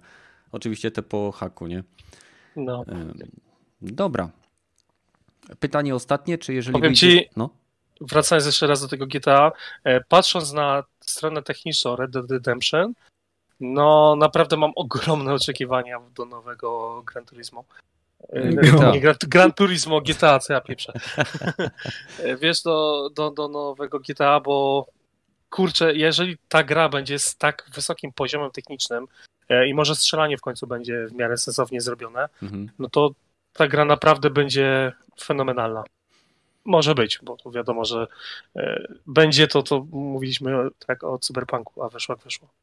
Nie no, hmm. tutaj ja właśnie nie rozumiem y, jednej rzeczy, że sam też oczywiście sam siebie oszukałem czekając na Cyberpunka i wierząc, że e, CD Projekt tworząc swój tytuł y, i jakby trzymając poziom jakości z poprzednich gier da radę. Tylko, że jakby nie wziąłem pod uwagę tego, że oni nigdy nie robili strzelanki z pierwszej osoby.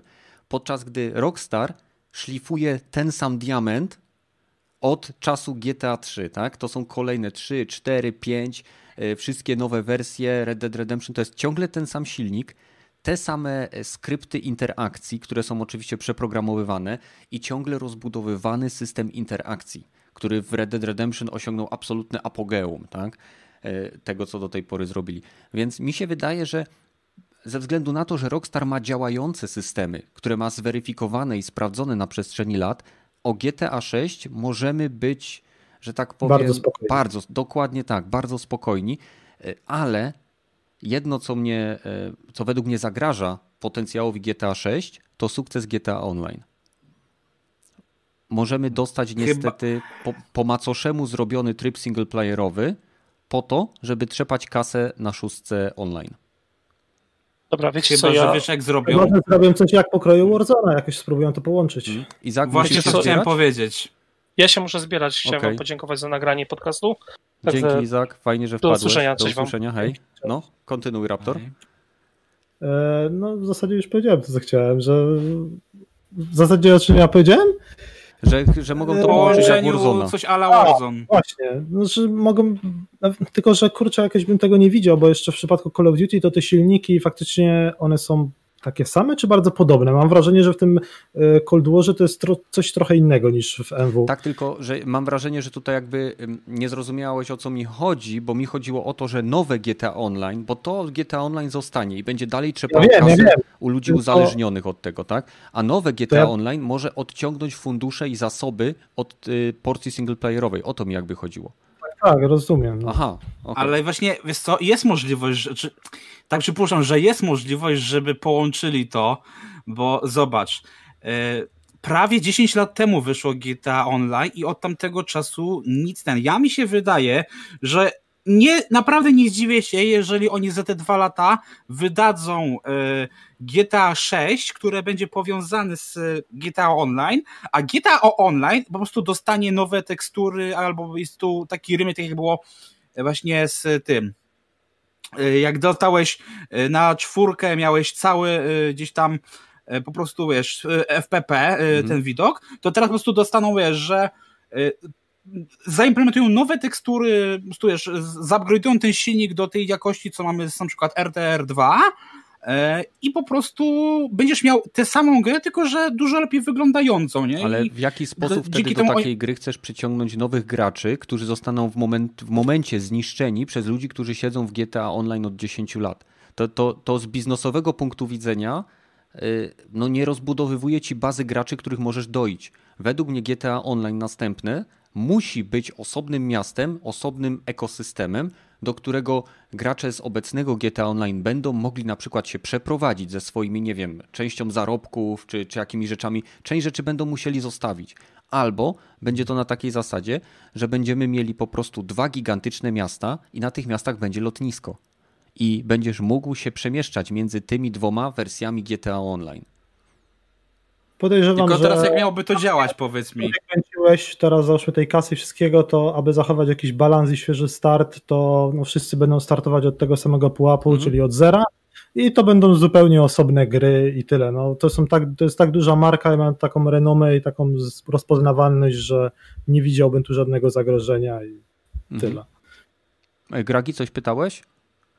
No po prostu jakbyś to widział, no bo mówię, biorąc pod uwagę, że mówię, ten GTA Online z piątki jednak i to miasto jest już na tym innym silniku, no to jeżeli miałby być odrąbny byt, nie, no to jak ty sobie to wyobrażasz, tak, no przełączenie się, ten skok jakości byłby bardzo duży, tak, plus doczytanie Ale nie, nie, nie, Gragi, Gragi, y, mhm. Y, GTA, miasto, obecne miasto, tak, które jest w GTA Online, byłoby zrobione w nowym silniku. Tyle tylko, A, że nadal by byłyby to dwa różne miasta, że lecisz sobie na lotnisko i lecisz sobie, nie wiem, do Vice City, tak? I w, w tym momencie masz loading i cię przerzuca do Vice City i tam możesz rozpocząć budowę swojego nowego imperium. A jeżeli tu ci się, nie wiem, jest zbyt dużo grindu, to wsiadasz w samolot, loading, jesteś w swoim starym mieście i bawisz się swoimi starymi zabawkami, bo e, mam wrażenie, że byłby bardzo duży opór u ludzi, którzy grają w GTA Online teraz, którzy poświęcili na ten tytuł, nie wiem, w cholerę pieniędzy i czasu, żeby oni nagle to tak wszystko zostawili. Chociaż z drugiej strony.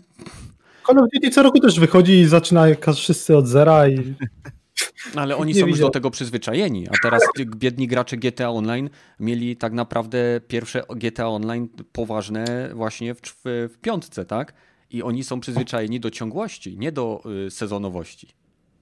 No rozumiem. Zresztą to, to, to co mówisz, yy, Kenneth, to dokładnie teraz w tej chwili robimy. Chyba już właśnie było dodatek do GTA Online, gdzie się na wyspę jakąś przenosisz i tam robisz heisty.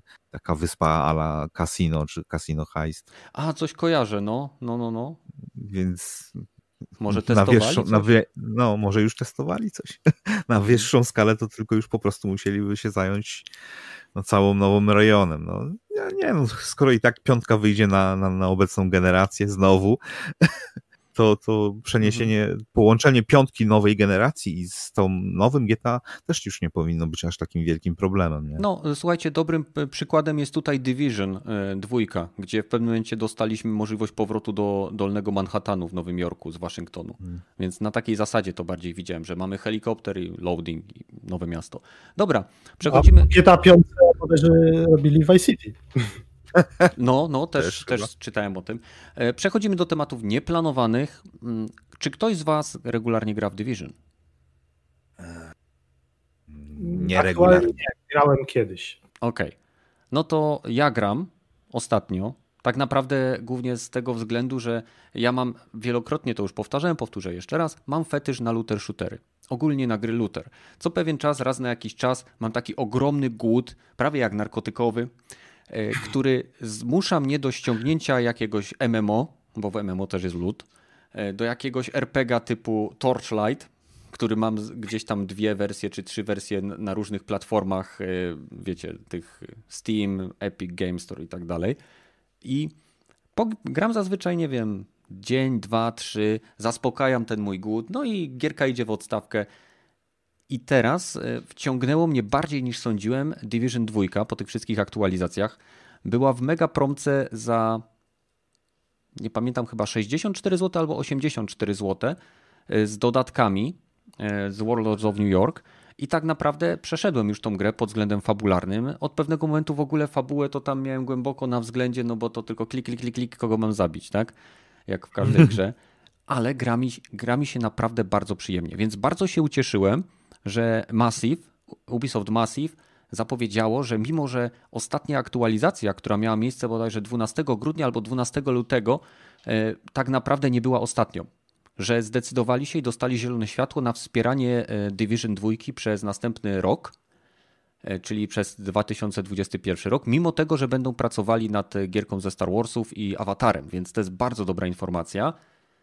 Y, jedyna rzecz, tylko na którą bym liczył i dzisiaj nawet napisałem do nich na Twitterze, y, że chciałbym, żeby wreszcie otworzyli możliwość grania cross-platformowego między konsolami, bo mam, mamy na naszym Discordzie osoby, które grają w Division na Xboxie, mamy osoby, które grają w Division na PlayStation i tak naprawdę społeczność jest podzielona, podczas gdy teraz pod koniec życia tego tytułu takie połączenie tej społeczności Xboxowej i PlayStation na pewno by zwiększyło stabilność tego tytułu na przestrzeni nadchodzących miesięcy czy lat.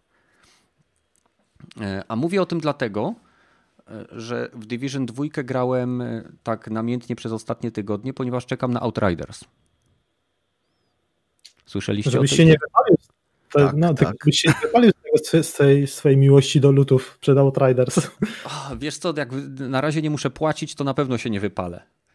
Gorzej jak później się skończy demo i, i będzie trzeba e, sięgnąć, wiesz, e, do kieszeni. Ja o Riders to słyszałem tyle, że to jest, e, no tak jak mówisz, looter shooter, wiem, że się tam strzela i że to jest polska gra i no coś tam może widziałem, ale nic w zasadzie więcej nie potrafię powiedzieć o tej gierce. Ten fragment, co widziałem, wydawał mi się dosyć generyczny. Taki, mi też. że widziałem tam coś, co już widziałem nie raz. Nic, nic nowego, więc ciężko mi w tej chwili stwierdzić. Mhm. E, słuchajcie, bo teraz tak, demo ma premierę 25 i będzie sobie działało aż do premiery gry. A to jest tylko na PS5 czy Nie, na, na PC? To, to na jest wszystkich platformach. na wszystkich platformach. Wiesz, co jest jeszcze najlepsze, Raptor? Ta gra na starcie ma crossplay między wszystkimi platformami. O, no, czyli się da. Czyli PC, PlayStation, Xbox, Stadia. Stadia? Aha, aha. E, łącznie 9, 9 e, różnych platform, bo jako PlayStation mówię wszystkie PlayStation, jako Xbox mówię wszystkie Xboxy. E, jedyne, czego na chwilę obecną grze brakuje i co będzie dodane w późniejszym terminie, to w chwili obecnej gra nie ma żadnego systemu komunikacji, który jest wbudowany w nią.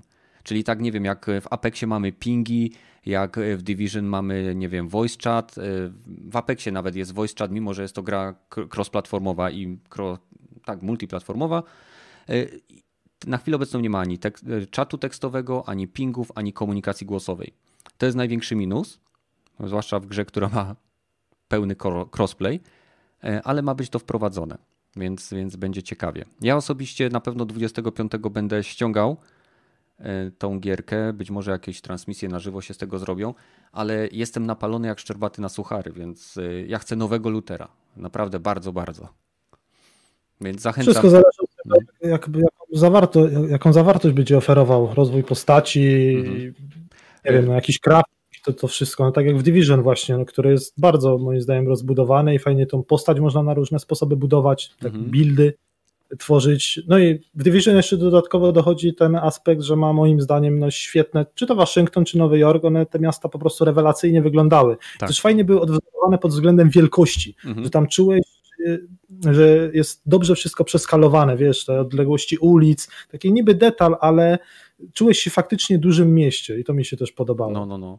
E, w przypadku no. Outriders, e, jako że śledzę ten tytuł, to ci mogę, no, ale specjalnie słuchajcie, e, jako że wiem, jakie popełniam błędy, jeżeli chodzi o lutery, napaliłem się na, Division, na Destiny 1, spaliłem się na podstawce. Destiny 2, spaliłem się na podstawce. Tylko jedyn... No. Grałem w dwóch i dwa razy chyba nawet próbowałem i nie, zero. Słuchaj, ja to największy błąd zrobiłem, że jedynkę kupiłem w wersji cyfrowej, więc tego gówna nawet sprzedać nie mogłem. E, przy dwójce zmądrzałem, kupiłem wersję pudełkową. Na szczęście mogłem wymienić. E, później było Anthem, e, jeszcze później gdzieś po drodze było Battleborn, oh yeah. Więc e, największym minusem tych wszystkich rzeczy, mówię o Destiny 1, 2 i Antemie, było to, że tworzyłem materiały, w których dawałem się ponieść hype'owi mojemu własnemu wewnętrznemu i tym samym jakby częściowo nakłoniłem też, pisali mi e, widzowie, że nakłoniłem ich do zakupu tego. W Borderlands grałem, Tomasz, mam trójkę. Zajebista gra. E, więc tym razem się powstrzymałem pod względem luterów, nie fabuły, mówię o Borderlands. No, no, Natomiast no, jeżeli chodzi o ten, o e, Outriders, stwierdziłem, że nie będę nagrywał żadnych materiałów, aczkolwiek śledzę tytuł, więc ci mogę powiedzieć, e, że jeżeli chodzi o rozwój postaci, to e, każdy, każda z czterech klas postaci mamy Trickstera, Devastatora, Pyromancera i e, chyba Technomancera. Jakieś takie cztery klasy postaci. E, każda z nich ma drzewko, E, którego się nie da jakby w pełni e, zapełnić, bo masz określoną ilość punktów, którą możesz wydać. Na końcu każdego z drzewek masz specjalizacje, o których już mówiliśmy w przypadku Antema. I co jest najfajniejsze, to drzewko można za darmo respekować, kiedy się chce. Czyli możesz sobie testować różne buildy. Jest, no jest, no, jest crafting, ponieważ każda z broni, tam jest w grze ponad 300 e, różnych modyfikatorów i one są losowo dobierane do broni. I teraz, jeżeli e, wypadną ci dwie takie same bronie, możesz tą broń rozmontować, broń e, zamienia się w surowce i zatrzymujesz mody, które zostały. Czyli na przykład, nie wiem, e, masz mod pierwszego poziomu, tych poziomów są chyba trzy albo cztery, który, nie wiem, dodaje efekt ognia do pocisków. I później, jak kraftujesz broń, to możesz y, zmodyfikować jeden z modów, który ma dana broń. Czyli wypada ci broń, która ci pasuje i ma dobre statystyki, jeden mod ci nie pasuje, możesz go podmienić na jeden dowolny, ale wtedy ten drugi już jest nieruszalny. Nie? Na takiej zasadzie. E, mamy też y, znane z Diablo systemy jakby pancerzy, które wiesz, mają bonusy, jeżeli posiadasz większą ich ilość. Gra nie jest po pierwsze usługą live service, więc dostajesz całą grę, już dostajesz po prostu cały tytuł na płycie. Nie, na chwilę obecną nie są planowane żadne aktualizacje, chyba że gra odniesie y, w oczach graczy sukces. Wszystkie aktywności endgame'owe nie opierają się o recykling już istniejących poziomów, tylko są to zupełnie nowe obszary. E, I co tam jeszcze? No i tyle, no jestem napalony, no. Ale to czekaj, na starcie powiedzieli, że za bardzo nie będą tego wspierać, tylko jeśli będziecie grać? Nie, nie, nie. Y, jest, y, oni powiedzieli, że to nie jest gra jako usługa, oni sprzedają kompletny produkt. Aha, tak? dobra, rozumiem. I jeżeli, jeżeli będzie potrzeba, produkt jest zrobiony w taki sposób, aby on mógł być rozbudowywany o kolejne DLC, ale w chwili obecnej oni koncentrują się na tym, żeby dostarczyć nam kompletny tytuł, który będzie miał wszystkie elementy. Tam nie ma żadnych mikrotransakcji, tam nie ma żadnych lootboxów, tam nie ma żadnych season passów, żadnych battle passów. To jest po prostu tytuł, który kupujesz i grasz. Hmm, to będzie dziwne uczucie. No. Ale no na pewno się sprawdzi tego 25, jak mówisz, że na każdej platformie będzie demo, to wtedy wszystko się wyjaśni. No, też mi się tak wydaje, że jakby podoba mi się też, że nazywałem to demo, a nie beta.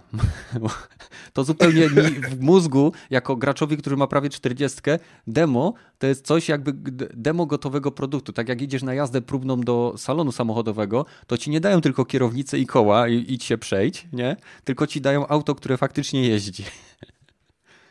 Ale wiesz co, biorąc pod uwagę, że dzisiaj te bety tak zwane właśnie często wychodzą na jakieś dwa tygodnie przed premierą, no to de facto to jest demo, no bo gra jest skończona, więc przez dwa tygodnie na przykład nie zdążysz wiele zmienić, więc no, ale liczy się, beta jak to trochę nazywa. przejęła funkcję demo. No, ale nie, nie, ja się z tym nie zgodzę. Jeżeli ktoś mi mówi, że wydaje, to jest beta... Że, że już nie, mi się właśnie wydaje, że już nie. Mi się wydaje, że jeżeli ktoś mi mówi, że to jest beta, to znaczy, że pokazuje mi niedokończony produkt, bo to jest w nazwie. Tak. Jeżeli ktoś mi Też mówi, tak masz demo, to znaczy, Często że otrzymujesz fragment gotowej gry. Sieć.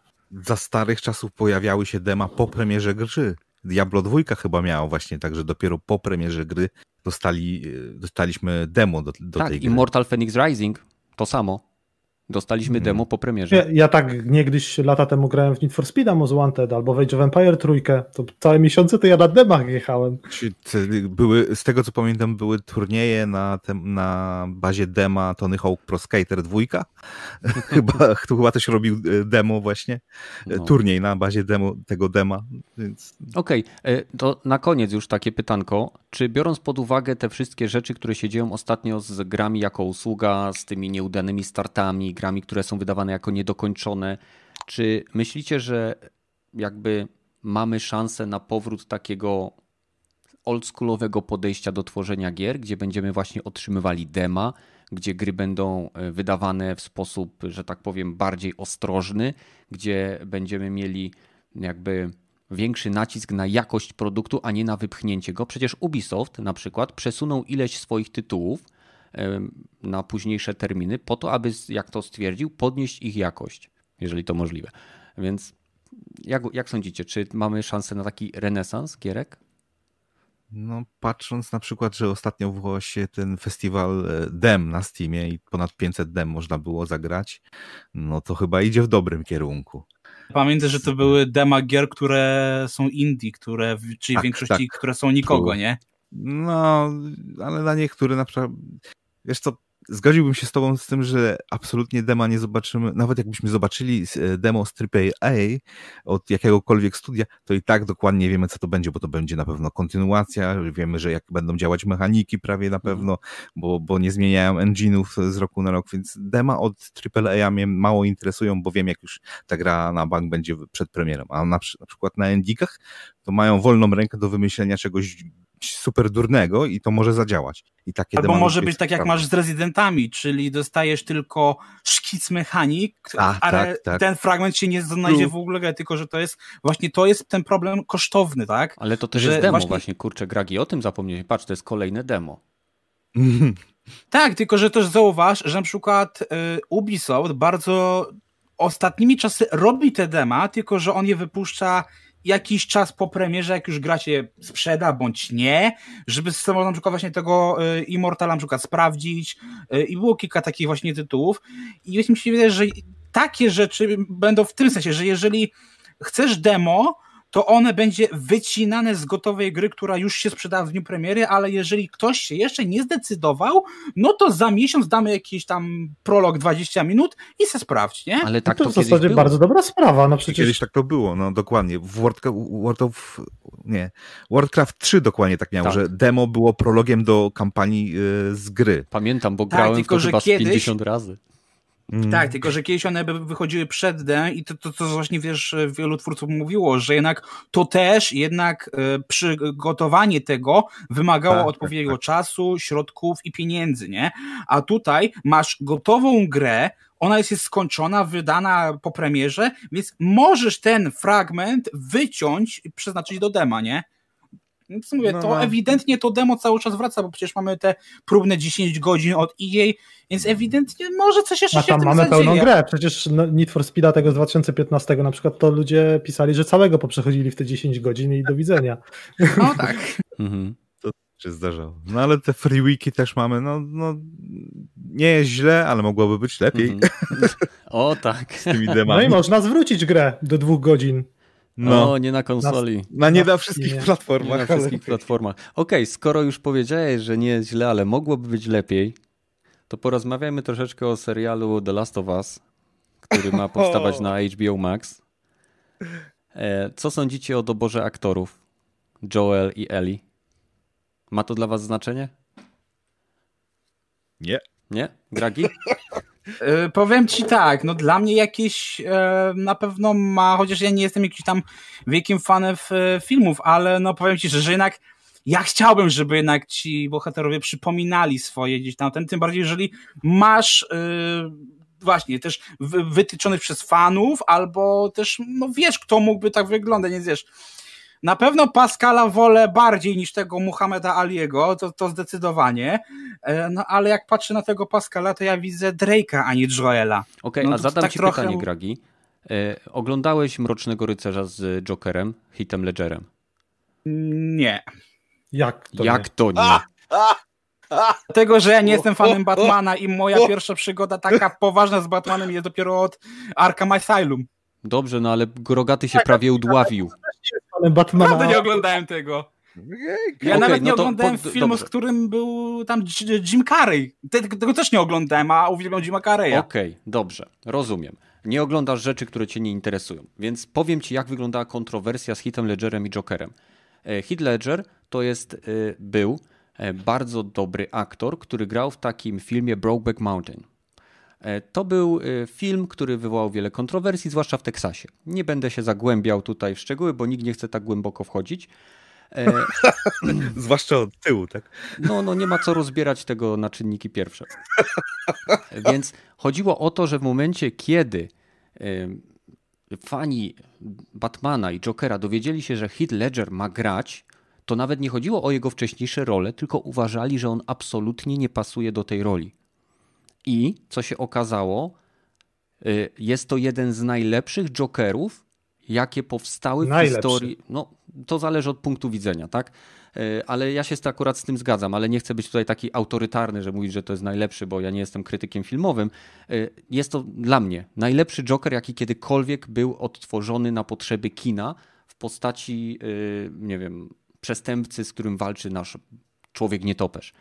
I na przykład to udowodniło mi, że nie zawsze ktoś musi być podobny do postaci, którą gra, bo jeżeli zagra nią dobrze, bo wiesz, podobizn Jokera w komiksach, w grach i w wielu innych miejscach masz dosłownie setki, różne. I on nie Ale był podobny do żadnego. Oni wszyscy, wszyscy zazwyczaj starali się trzymać tego samego schematu, nie? Jakby nie patrzeć. Niby tak, ale no, no Ledger zrobił z tego po prostu mm, coś pięknego. No, szkoda, że... Ale ten nowy Joker e, to, to, też jest e, ten sam poziom, bym mógł powiedzieć. Ale mówisz, Ak mówisz aktorski tym, to, to nawet chyba. to Mars czy Suicide Squad?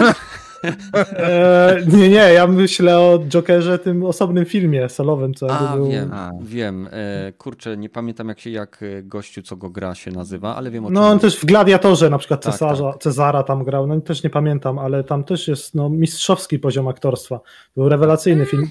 Ciężko, ciężko w zasadzie go trochę nazwać e, komiksowym, mhm. ale no, to też jest moim zdaniem Joaquin Phoenix. Tak, Phoenix. Wróciło mi. Oj, jo Phoenix. Joker z nim był zarąbisty, to fakt. No patrz, a tego Jokera widziałeś. Tak, i to był chyba pierwszy film póki co, jaki widziałem. Z, no to obejrij sobie teraz tego, tego z Jokera, z tego Nolanowskiego, tego drugiego.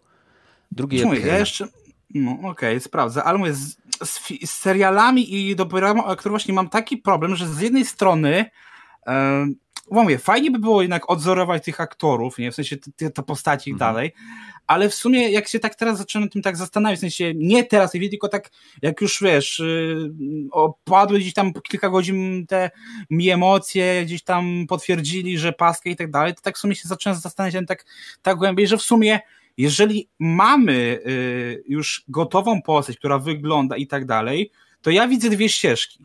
Albo dla mnie najlepsze by było zrobić, tak jak na przykład robi teraz Netflix z Residentem, czyli zrobić e, CGI, gdzie po prostu te postacie, wiesz, wyciągasz modele z gry i e, robisz z nimi nową fabułę i to byłoby spoko. Mhm. E, albo faktycznie zrobić tak, że jeżeli to nie jest jakiś mega ustanowiony kanon, przy czym wiadomo, też można cuda zrobić w charakteryzatorce. No właśnie o tym e... chciałem powiedzieć odnośnie tak, tego aktora. E... No to wiesz, mówię, wiesz, z dziewczyną zawsze jest łatwiej, bo wiesz, peruka, tapeta i, i, i jedziesz, nie? Wąsy, broda e, ale... i jedziemy. No tak, chodzi mi o to głównie o Maharszala, tak, że mhm. gdyby faktycznie on był, no to miałbym z tym problem, ale z drugiej, tak mówię, z drugiej fajnie by było właśnie pokazać e, tak właśnie, że wiesz, że to nie jest postać, jakiś archetyp e, cech e, i pokazać to trochę od innej strony, kogoś, kto postujesz, nie jest, wiesz, jeden do jednego, ale może inny ten, więc w sumie mówię, ja osobiście wolałbym CGI, ale jeżeli już, to jeżeli ktoś faktycznie dobrze zagra to i pokaże trochę, wiesz, nie, nie będzie kopiować tej postaci jeden do jednego, ale wczuje się w nią, no to w mhm. sumie why not, nie? Okej. Okay. Raptor, jak ty to widzisz? Co by było dla ciebie ważniejsze? Wizualne podobieństwo, czy bardziej e, jakby, jak, nie wiem jak to określić, duch postaci? Tak jak w przypadku Jokera, to był pewne brak wizualnego podobieństwa, ale było to takie sięgnięcie do rdzenia tego, czym w, w umysłach wielu osób Joker jest, tak? No mówiąc, mówiąc poprawnie, tak naprawdę wszystkim powinno zależeć na tym, aby to było po prostu jak najlepiej zagrane, ale no w przypadku na przykład The Last of Us, no ja tutaj nie grałem w te gry, więc nie mam w ogóle żadnego ładunku emocjonalnego związanego z tym, więc ciężko mi się w zasadzie wypowiedzieć. Mhm. Ale... W... ale to weźmy pod uwagę inne adaptacje, bo na pewno miałeś kontakt z jakimiś adaptacjami gier. Czy dla ciebie w tych adaptacjach e, było, był, nie wiem, E, bardziej istotne podobieństwo, czy jakby ten duch e, tego tytułu, który ma zostać odtworzony? No ale jeśli chodzi o gry, no z tymi co miałem, no to na przykład, no, tylko że filmy, nie seriale, no to czy Assassin's Creed, czy Prince of Persia na przykład, to mhm. jednak to były gry, które odpowiadały w zasadzie trochę inną historię. No i w, w, przypadku Popa to tam akurat było dosyć spore podobieństwa do bohatera, przynajmniej jeśli chodzi o zbroję. Także no tam akurat e, no, w Asasynie były jakby inne realia, bo tam mieliśmy Hiszpanię, tam XVI wiek, chyba początek XVI wieku. Także ja osobiście skłaniam się jednak ku opcji, żeby twórcy tego typu adaptacji jednak e, no, trzymali się tego już utartego wzorca, który, który już po prostu znamy, jest jakby w naszej świadomości. Takie jest moje zdanie po prostu. Mhm. Rogaty? Wiesz co, casting jak casting. Nie jest to taka tragedia, jak czasami Netflix kastuje, że, żebyśmy dostali za Joela kobietę, najlepiej z Chin, na wózku inwalidzkim. A za... za Jeszcze za, lesbijkę. Za, za Eli to pewnie znowu, żeby na odwrót, to nie, trans chłopca, żeby był... Mhm dlatego jest unikatowy, bo jest trans. No więc nie wiem, no właśnie mi najbardziej jak dobrzy aktorzy są, bo jak dobry aktor może nawet y, chujowy scenariusz po, pociągnąć. I Widać to w Wonder Woman obec... zwłaszcza. no nie, nie, nie, oglądałem tego filmu jeszcze. No to powiem ci, że ale... ten, ten gość naprawdę jest tam jedną z najfajniejszych postaci, w sensie... Y, y, ale mówisz o tym dwójce czy jedynce? Wonder Woman 84. Aha. E, I chodzi mi o to, że on ma beznadziejnie napisaną rolę, ale i tak zawsze, kiedy gra, to widać, że wkłada w to całe serce. Wiesz, po prostu tak, no, no czuć, po prostu czuć. O ile Gal Gadot pięknie wygląda i po prostu czasem się patrzysz na nią i tak, mój Boże, ona naprawdę nie widzi, co ona gra, w sensie tak, to, co ona mówi, to jest po prostu taki cringe. Ale okej, okay, przepraszam. Po prostu dobry aktor pociągnie, o to mi chodzi. Rogaty. No, no, no. To, to ja bym, jakbym chciał aktora za George'a to weźcie Nicolasa Cage'a, to byśmy zobaczyli na acting, motherfucker. Nie, no ale że to HBO, no to może nie będzie tragedii, aczkolwiek po ostatnim sezonie słyszałem, że e, ludzie tak zapomnieli o grze o tron, zupełnie już nie chcą wymazać ostatniego sezonu, więc może być niedobrze też. Słuchajcie, no, bo tu...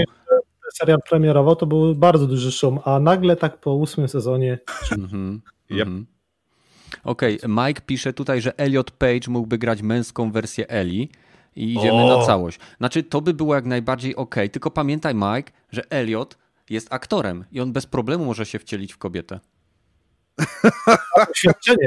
Ale Ma wolno grać, ale, ale czekaj, bo, bo no dobra, no to jeszcze rasa jest, zgadza się, no to mogłaby grać, ale jak już by była z innej rasy, to już by się nie mogła wcielić.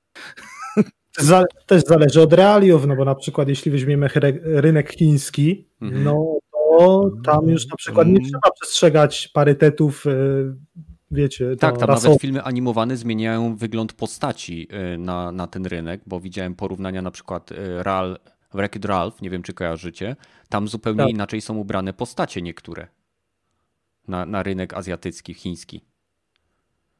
Są, są gigantyczne modyfikacje w niektórych wizualnych aspektach filmów e, po to, żeby właśnie przypodobać się rynkowi chińskiemu. Dlatego na przykład w Avengersach ten pradawny Agent One, który szkolił doktora Strange'a, był kobietą podczas gdy normalnie to był stary tybetański mnich, ale w Chinach by to nie przeszło, bo Chiny, jeżeli chodzi o Tybet, to nie za bardzo się lubią, nie? No. no nie. Akurat to była całkiem dobra rola. No mi też się podobało. Nie, że miałbym coś do tego, po prostu jak to jest dobrze zrobione, to mi to nam nie przeszkadza. Ważne jest, żeby był dobry aktor, tak jak Rogaty powiedział. E, z no już scenariusz. o aktorach. No i scenariusz, tak, no do, dokładnie, z główna bicza nie ukręcisz, nie? A, a krowi placek pizzą nie będzie. Gragi, mówiłeś też coś o Spider-Manach, że są jakieś nowe przecieki, informacje czy plotki. Jak ty to widzisz? Co tam się dzie dzieje ciekawego A akurat świecie? nic nie, bo nic nie mówiłem. Jak nie? Mają, ja... ma, mam, czekaj, już proszę bardzo. Zaraz ciągniemy y, tego Gragiego pod ten. A, już wiem, dobra, dobra, dobra, już wiem, A. dobra. Sorry, Starość, nie radość. Do, e, ten, ten cały Tom Hochland powiedział, że nie będzie tych trzech Spider-Manów, że to jest wyssane z palca, mhm. ale wiesz, równie dobrze to może być tylko taka zagrywka, że wiesz, zaprzeczę, żeby mieli ludzie niespodziankę. Zaraz, to no chcesz ja osob... powiedzieć, że on kłamie, tak jak Naughty Dog y, Abi powiesiło? Nie wykluczam tego, nie? I, i, i, i zrobiło inne rzeczy, które nie, by, nie były w finalnej grze? Wiesz, wszystko jest możliwe, ale no tak, no według największych, właśnie najnowszych doniesień to właśnie w nowym Spider-Manie nie zobaczymy trzech Spider-Manów, yy, nie zobaczymy tych właśnie aktorów, którzy się wcielali w Spider-Manów. Ja na przykład właśnie chciałbym zobaczyć jeszcze raz Tobiego Maguire'a, co zresztą też na czacie napisałem, że dla mnie to jest jedyny słuszny Spider-Man, jeśli chodzi o wersje aktorskie, bo Przepraszam, co? Tobey Maguire? Ten z czarnymi ulizanymi włosami, który w czarnym garniturze który tańczy przed no, sklepem. Trójka nie była najlepsza, tak? Ale pierwsze dwa Spider-Many... Not canon, not canon. Jako filmy, ale tu mówisz już o samej postaci. No, Tom Holland wypadł moim zdaniem zdecydowanie lepiej. Chociaż to Tobey Maguire spoko, ale... ale... jako filmy to, to takie te najnowsze Spider-Man takie przysypiające są. No one są e, wtórne. W świecie, to na pewno. W świecie MCU to są strasznie wtórne. Ale tak, ale wiesz co... Y, jeżeli... Ja na pewno o wiele bardziej czekam na tą animowaną wersję na Milesa Moralesa, bo ja się zakochałem w tej animacji od Sony i... Ja na nie przystałem prawie. Uwielbiam, ja, ja, ja uwielbiam. chyba trzy razy widziałem już. Hmm. Ja w ja kinie byłem, ja w kinie byłem trzy razy w ciągu dwóch dni. Coś pięknego, no szacun. Jeżeli chodzi o Toma Hochlanda, jak to Gragi mówi, to mi osobiście jego wersja Spidermana pasuje najbardziej bo to jest ten Spider-Man, którego ja pamiętam z mojego dzieciństwa, kiedy kupowało się komiksy i oglądało e, te seriale, gdzie był młodziutki Spider-Man, właśnie e, taki, który jeszcze chodził e, do szkoły, który był tam zawsze fajny humor. Spider-Man Far From Home to jest jeden z bardziej zabawnych filmów, jakie, jak, jakie my oglądamy z Agatą, żeby po prostu się dobrze pobawić. I to widzieliśmy już wiele razy. Tam jest tyle śmiechu i, i, i po prostu takich, według mnie, dla mnie, przynajmniej trafionych we mnie żartów, że co to oglądamy, to się zawsze śmiejemy. To pewnie będziesz czekał na premierę na Netflixie, bo w marcu ma wlecieć. Mm, wiesz co, nie wiem czy nie, nie, bo ja mam Netflixa i Amazona, także to ich HBO, także to, to te trzy usługi e, w chwili obecnej pokrywają wszystkie moje zapotrzebowania. Jeżeli Co chodzi... mówię, ja na przykład po prostu jeśli chodzi o Spidermana, to mówię, no ja bazuję przede wszystkim, bo cała miłość tak naprawdę do Spidermana zaczęła się na tym serialu Jetixa, czy tam Fox Kidsa, e, Spider-Man Animated Series z 90 bodajże 5 czy 6. Mhm. Roku mogę nie pamiętać, od razu mówię, mhm. ale zauważcie tam, że to jest, tam już jest to człowiek, który jest gdzieś tam na tych studiach bardziej niż w liceum czy gimnazjum i jednak po tej jego, mm, wiadomo, to był kreskówkowy serial, E, ale jednak było widać, że to jest gdzieś tam już taki bardziej dojrzalszy człowiek, a Tom Holland jednak wygląda na bardzo młodziutkiego aktora. Wiadomo, on jest chyba rok młodszy ode mnie, ale no aparycję ma naprawdę takiego dziecka i, i on się nie, nie zgrywa po prostu. Weź nie obrażaj, bo on ci Natana ma zagrać i... I też mi to właśnie nie leży. Ale przecież on gra młodego Natana. Znaczy, no dobra, no może dobra, no dlatego no młodego Natana nie chce gra. Śmiało powiedzieć, że jest najjaśniejszym punktem tego filmu, bo za, za wiele to nie wiemy po prostu. No, mamy dwa punkty, Marka Wahlberga i y, Toma Hochlanda, to już z tych dwóch punktów wolę Hochlanda. True, true. No. Y, ale wiecie co, to co, to co jest, y, y, zobaczcie, Gragi pierwszy kontakt ze Spider-Manem miał, kiedy Spider-Man był jako, przedstawiony mu jako postać bardziej dojrzała i bardziej mu się podoba Maguire ja miałem pierwszy kontakt, kiedy Spider-Man był tak naprawdę no, dzieciakiem chodzącym do szkoły. Więc e, mi podoba się bardziej e, Tom Holland. Jest coś w tym, nie? Ja miałem jako dojrzałe, bo zaczynałem od filmów po prostu, mhm. ale i tak uważam, że Tom Holland po prostu jest lepszym Spider-Manem, pomimo tego, że Spider-Man 1 czy 2 to jest starsze, one są wciąż moim zdaniem nadal bardzo dobrymi filmami.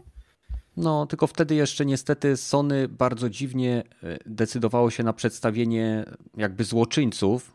O ile Marvel poszedł w dobrym kierunku, jakby w pewnym momencie zaczął od realnego Ironmana, tak, mechaniczne rzeczy, wszystko ten, a później coraz bardziej dziwne, to Sony w tych swoich pierwszych w tych swoich pierwszych filmach bało się przede wszystkim dobrego Venoma zrobić, bało się rozbudować jakby postacie złoczyńców, z którymi Spider-Man walczy. I, I to wszystko wyglądało po prostu, o ile jedynka i dwójka była świetna, no to trójka, boż. Ale w trójce miało być jeszcze więcej rzeczy. To dwie części chyba podobno miały być więcej, miało być złoczyńców. Ale nie... Może by pomogło, bo ten film był zdecydowanie za długi.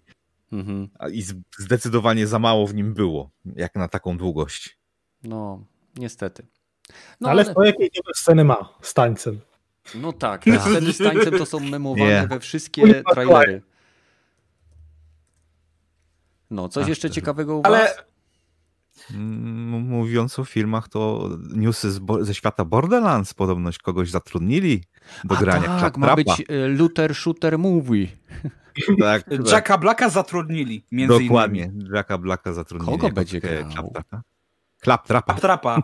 O Boże, to nie będę, będę go tylko słyszał, a nie widział. Połowa, no. połowa uroku tego człowieka to jego aparycja. No niby tak, ale akurat casting też uważam, że w miarę dobry. No tak, do, dobry humor. Jamie Lee Curtis też y, Czeki tak. tam zatrudnili. No to mówię, jak ja patrzę, mówię, nie znając Borderlandsów i tutaj pod bardziej pod filmem, to powiem ci szczerze, że obsada jest imponująca. No. no. Wiesz, ciekaw jestem i właśnie to sprawia, że ja chcę zagrać w Borderlandsy, gdzie nigdy nie grałem. No to y, kupuj trójkę, tylko byle na konsolę i będziemy grali. Albo kupuj jedynkę i dwójkę i trójkę, o trójce zapomnij. Ej, y, strzelanie, Albo i, nie, no. strzelanie i system lutu jest najlepszy w trójce. True, trzeba też... tylko cały dźwięk wyłączyć, bo jak się słucha postacie, to trzeba z dala od nożyczek i no, noży. Troszeczkę można tak. W ogóle jak jesteśmy też w temacie, to za trzy dni e, Gearbox przywraca Tales from Borderlands do sprzedaży. No proszę cię, mam to zainstalowane. Ja to kupiłem no. zaraz jak wyszło. Jedna z najlepszych gier, jaka wyszła spod pióra Telltale Games. niekończący się filmik w zasadzie, bo to są interaktywne gry, Telltale to były takie interaktywne filmiki, gdzie w zasadzie cały czas płaczę ze śmiechu. To, to naprawdę, jeżeli ktoś nie grał w Tales from Borderlands od Telltale Games, naprawdę nie wiecie, co tracicie. Prze, przewspaniała muzyka, genialny humor, który zjada to, co było w Borderlandsach, nawet jedynce i dwójce na śniadanie i postacie, które są tak niedo, niezapomniane, że pojawiają się w trójce jako bohaterowie. Ciekawe. W ogóle jeszcze z filmu, bo też właśnie to podsyłałem, e, bo wyszły dwie, dwa newsy, które mnie autentycznie zainteresowały. Pierwszy, e, i to mnie bardzo niepokoi, e, szykuje się live action atomówek. O Boże. No, słysząc to, już mam przed oczami Netflixa, tak? nie, to będzie HBO Max, mój drogi. I to będą dziewczyny, które mają 20 lat, one już się swoje tam nawalczyły. Będą, będą mroczne, kur. Wiesz, one się niby swoje już tam nawalczyły, ale ma tam być znowu jakieś zagrożenie i one się znowu jednoczą razem, by ten jest... Okej, okay, posłuchajcie, wiesz... właśnie teraz opowiem wam, jak będzie wyglądał trailer. Wyobraźcie sobie taki ciemny pokój, do którego przez żaluzję wpada do takiego, wiecie, kurz się unosi, dym, wpada światło i widzimy stopę gościa, który takimi szurając po podłodze w takich kapciach idzie i kopie butelkę po whisky, nie? Kamera się oddala, a to ten profesorek, co stworzył, wiesz, atomówki, taki zapity, nieogolony, nie? Idzie do kibla nie? i wymiotuje, nie? Wraca do łóżka i traci przytomność.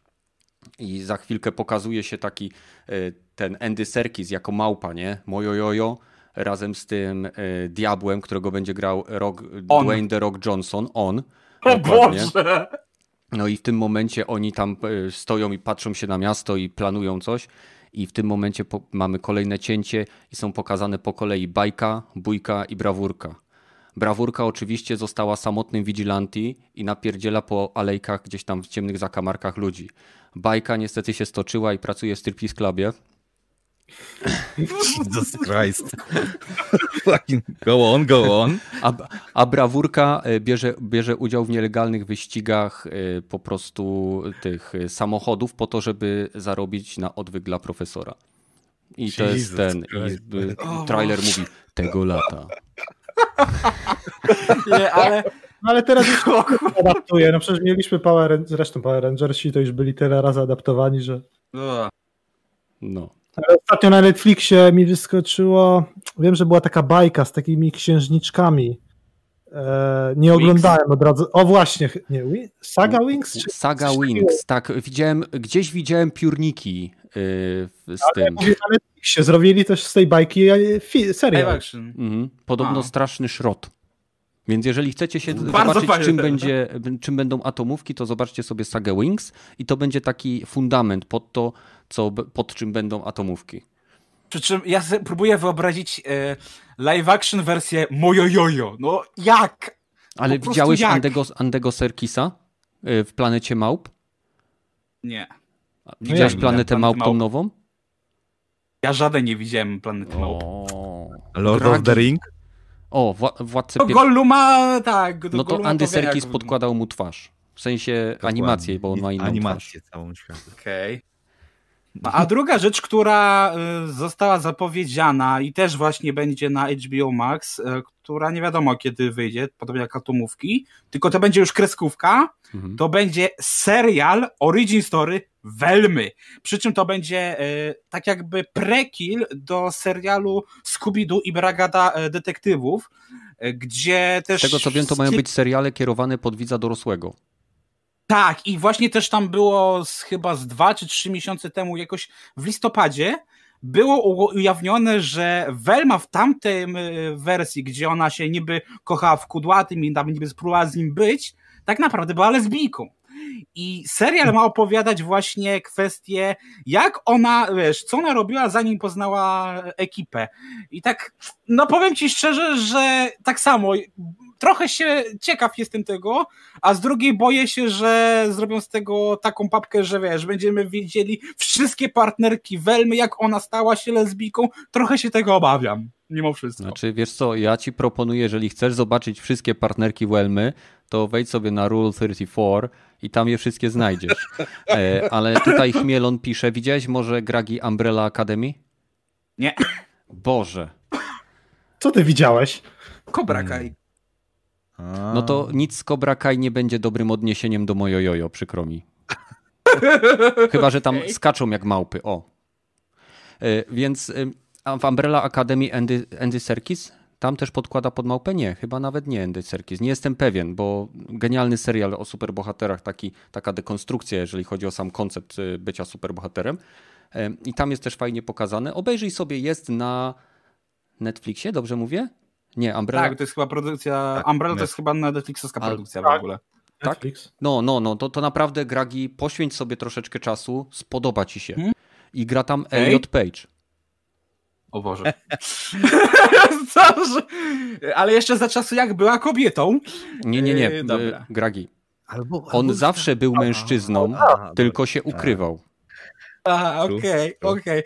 Okay. Bo jeszcze na przykład takiego live action, które ostatnio widziałem i mi się w miarę podobało, e, to była live action wersja e, serialu e, tak mówi Rohan Kishibe, czyli spin-off JoJo Bizarre Adventure, który teraz właśnie chyba w tym tygodniu wlatuje na Netflix w wersji tej e, animowanej mm. i powiem wam, że jak zobaczyłem, e, gdzie właśnie mówię, tam są specyficzne moce i tak dalej, to to nawet nieźle wyglądało. Mówię, ja się nie znam na filmach, ale dla mnie to wyglądało całkiem wiarygodnie, jak wiesz, gościu e, otwiera faktycznie z tej twarzy książkę i to wygląda jak faktyczna książka, nie? Taka dla dzieci, bo dla dzieci, ale to jest książka i to fajnie wyglądało, nie? Mm -hmm. e, czekajcie, bo tutaj e, pan Dziobak pisze, że polska husaria atakuje bohaterka, bo, bo jest, bohaterkę, bo jest lesbijką. Znaczy, wiesz co, to pan zobacz, Dziobak... co pisze Chmielon. E, Okej, okay, nie, nie o tym mówię. Chodzi mi o to, że e, tutaj nawet nie chodzi o to, czy ona jest lesbijką, czy nie, tylko chodzi o to, że ona nigdy nie była lesbijką, w sensie historycznym serialu, nigdy to nie miało znaczenia i nagle nią jest. I dosłownie są całe analizy zachowania Welmy i wszystkiego, co się tam, że tak powiem, w serialu działo. I ona się zawsze przystawiała do facetów i nigdy się nie przystawiała do kobiet, więc to jest po prostu wynik działań pewnych, które są popularne teraz dla, dla promocji w naszych czasach. Się po prostu takie rzeczy robi, więc to nie jest, że my się nabijamy z tego, że ona jest lesbijką, bo może sobie być, nie wiem, diodą dwukierunkową i tyrystorem albo helikopterem Apache z pełnym zestawem rakiet. Po prostu nabijamy się z tego zachowania właśnie producentów, którzy robią takie rzeczy po to, żeby wykorzystać to do promocji. Ja to nazywam zmianami dla samych zmian. Dokładnie tak, dokładnie tak. Ja. Tak no. naprawdę nic nie wnosi. Ale skoro już poruszyliśmy temat tych e, seriali live action, to ewentualnie przypomnę, bo również niestety Netflix, no ale zobaczymy jak to wyjdzie, kiedyś już wykupił prawa do, do zadaptowania, czy do zekranizowania Awatara, legendy Anga, mhm. który jest w ogóle moim ulubionym serialem animowanym ze, wszystkich. No, anime co prawda w ogóle nie oglądam i nie znam, ale jeśli chodzi o tego typu bardziej amerykański rynek, no to, no to czekam na pewno, bo moim zdaniem to jest, jest to jest naprawdę świetny serial. Mhm. Ja widziałem film y, i powiem ci szczerze. Słucham? Film był tragiczny. Znaczy, ja nie oglądałem nigdy. Ja jestem go, gościem z pokolenia Dragon Balla tak? E, ja widziałem całego Dragon Balla do zakończenia sagi Z, Dragon Ball GT. Nie oglądałem całego Dragon Ball Super, który jakby Toriyama do, do niego wrócił. E, I e, nigdy minął mnie Pokémon. Jeżeli chodzi o Airbendera, widziałem troszeczkę, ale też mnie to minęło. Więcej widziałem Naruto niż Airbendera. I ten film, który widziałem, dla mnie osobiście miał potencjał, tylko dla mnie w tym no, filmie tak, próbowali tak. zrobić za dużo w jednym filmie.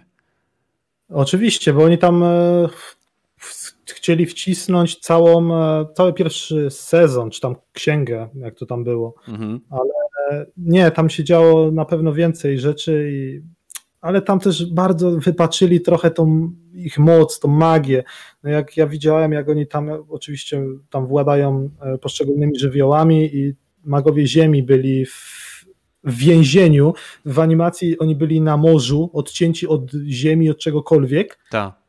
A tutaj byli w, w, normalnym więzieniu na ziemi i żeby przesunąć jeden kamień, tam zaczęło tańczyć kurde kilkunastu typa, gdzie w animacji to wiesz, jeden pod, mocniejszy mag, czy nawet jakiś podrzędny mógł całymi wielkimi skałami rzucać jak trzeba. Pewnie byli dzień po imprezie, wczoraj były, nie wiem, pępkowe jakiegoś kumpla, czy nie wiem, żona, nie pewnie byli zmęczeni, nie głodzeni. nie było, na pewno w no, tym serialu. No, na pewno.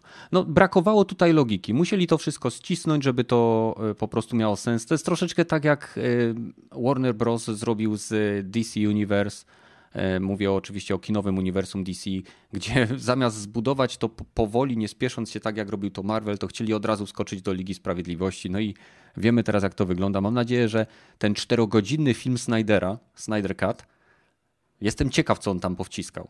Bo naprawdę no. to jest ponad godzina materiału. No. Oryginał uważam za, za naprawdę bardzo słaby film, ale ten z ciekawości kiedyś na pewno sobie mhm najlepszym przykładem tego, że DC sobie nie radzi ze swoim kinowym uniwersum, jest to, że w zasadzie każdy ich film, który miał być tym wielkim hitem, miał później wersję e, reżyserską, extended, director's cut, kiedy próbowali, tak jak nie wiem, w pierwszej Lidze Sprawiedliwości, w Suicide Squadzie, w, no, no w tych wszystkich w zasadzie filmach Batman vs. Superman dodawać sceny, aby miało to logiczny sens. I to jest naj, największy problem, że oni nie mają, tak jak Marvel ma jednego gościa, nie pamiętam już jak, jego, jak on się nazywa. Co? Kevin Feige. Kevin Feige, Fogi. E, w każdym razie on trzyma to wszystko, tak? On pilnuje, żeby to się trzymało, że tak powiem, e, kupy i nie śmierdziało.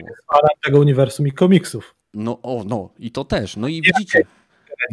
No i widzicie, widzicie, co się z tego zrodziło, tak? Naj, najdłuższy i najdroższy serial w historii kina, który każdy chce oglądać. Już nie mówię o tym, że ja nie mogę się doczekać, aż Disney Plus wejdzie do Polski, bo ja chcę WandaVision obejrzeć.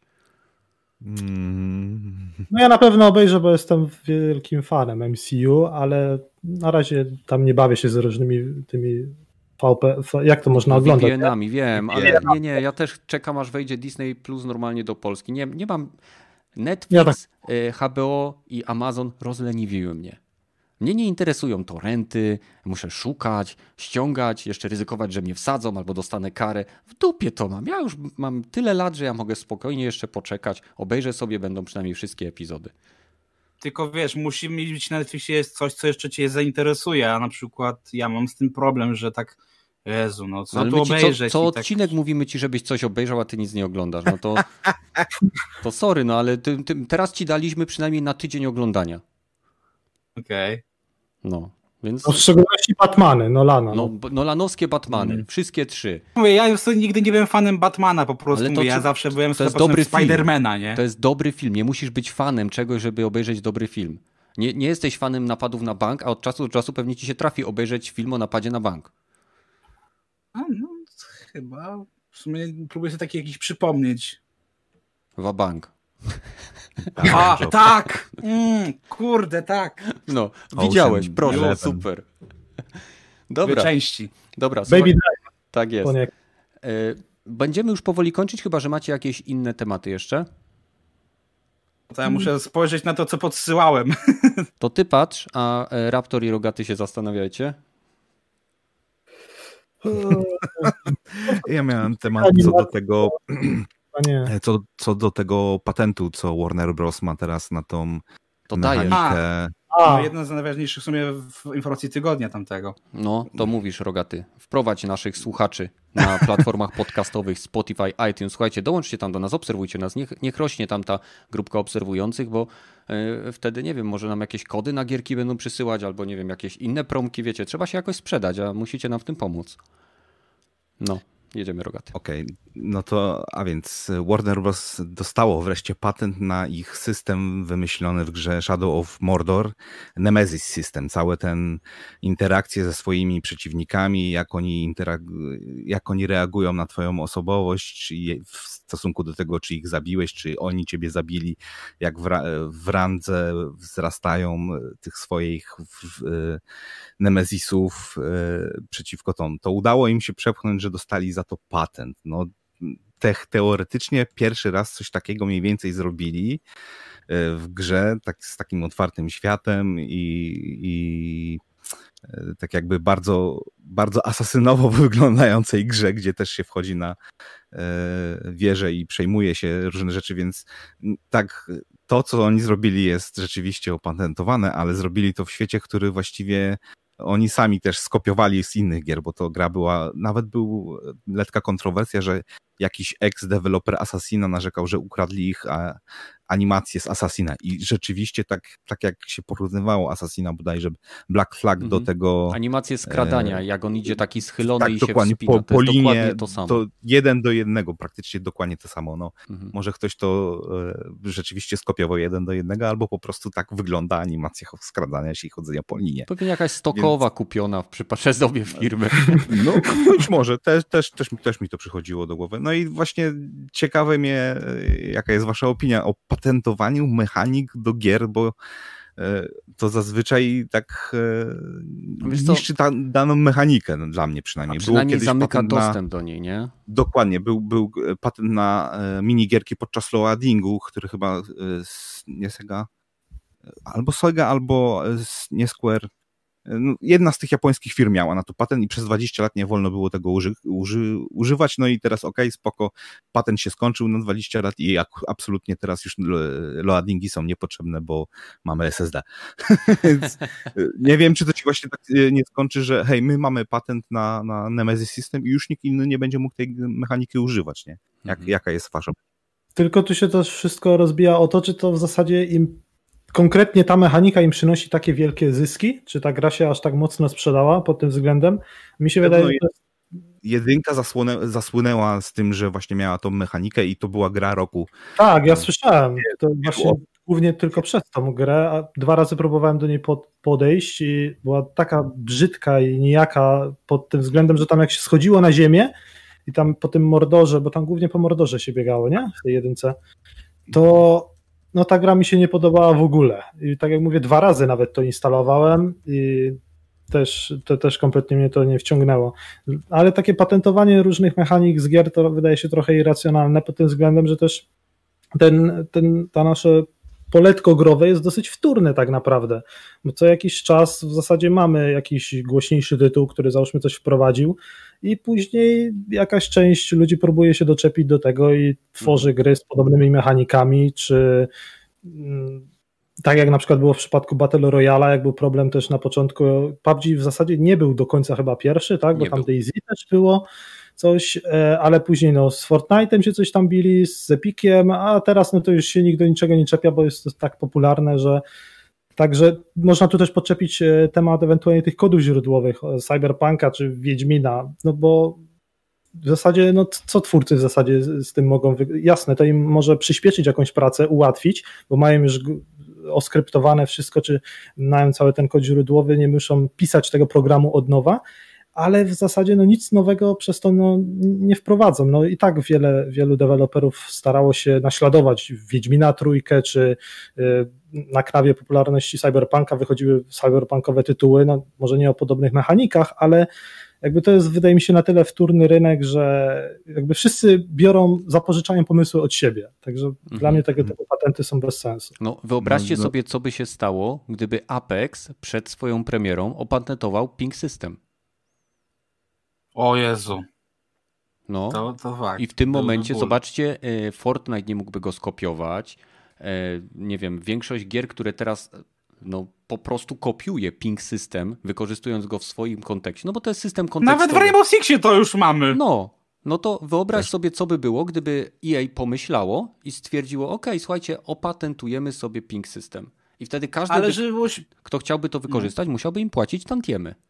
No, ale żeby śmieszniej, to oni nie jedyni, bo e, zobacz to, że na przykład ja słyszałem, że nawet nasze polskie Demedium opatentowało schemat na te dwa światy, mhm. E, a są plotki, że Rockstar opatentuje motyw sztucznej inteligencji, która będzie tak zajebista, że będzie mogła wiesz, gdzieś tam jeszcze bardziej mm, prowadzić życie. To już, to już no patent i, już mają, w sensie złożony. Wiesz, no i ja mówię, ja też nie jestem fanem patentów, bo zacz, gdybyśmy tak szukali z tymi patentami, no to co?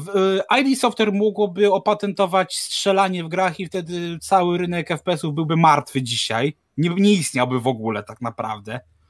Nie, ja też nie jestem fanem, żeby to zabijać, tym bardziej też tak jak mamy faktycznie sytuację z tym śródziemiem, że faktycznie to jest zlepek mechanik, które wszyscy dobrze znamy z innych gier. No, to, to trochę słabo, nie? No, ale właśnie to jest, patenty polegają na tym, że e, próbujesz zastrzec pewną konstelację funkcji, pewien układ funkcji, który e, w tym momencie nie może zostać skopiowany. To jest tak jak e, Immersion opatentowało e, wibracje poprzez montowanie przesuniętej masy na silniczkach, tak? E, czyli ten system Rumble, który znamy z DualShocka. I Sony wykorzystało ten system, nie, nie kupując patentu, może nawet nie wiedziało, że taki patent istnieje, pewnie wiedziało, ale i później mieli problem. Musieli usunąć wibracje z początkowych kontrolerów chyba od PlayStation 3, tak, z DualShocków trójek. Później dopiero je dodali. I to, to ja, nie, ja nie twierdzę, że nie da się stworzyć systemu, który będzie działał w sposób zbliżony do systemu Nemesis, tylko nie będzie on mógł robić wszystkich tych rzeczy, które są wymienione w patencie, bo złamanie patentu pewnie e, musiałoby obejmować ileś punktów, z, które są opisane w, nie wiem, że, e, że nie wiem, przeciwnik cię pamięta, że zostają na nim rany, że odnosi się do tego, jaka była wasza przeszłość, że to, tamto, stramto. Jeżeli jest tych punktów 10, to jeżeli na przykład kopia tego lub coś, co to naśladuje, będzie, myślę, załóżmy, nie wiem, wykorzystywało 6 z tych punktów, to prawdopodobnie i doda coś swojego, to już może to zostać uznane za kopię wystarczająco różną, aby nie naruszać patentów, nie? Więc. Mhm. Plus jeszcze Ale... też zobacz, że na przykład. Myślę, że logicznie tak powinno być. Przecież zobacz, że w pewnym sensie coś takiego, może nie identycznie, ale wariacje na temat tego, tak jakby mamy w Watch Dogs Legion, tak?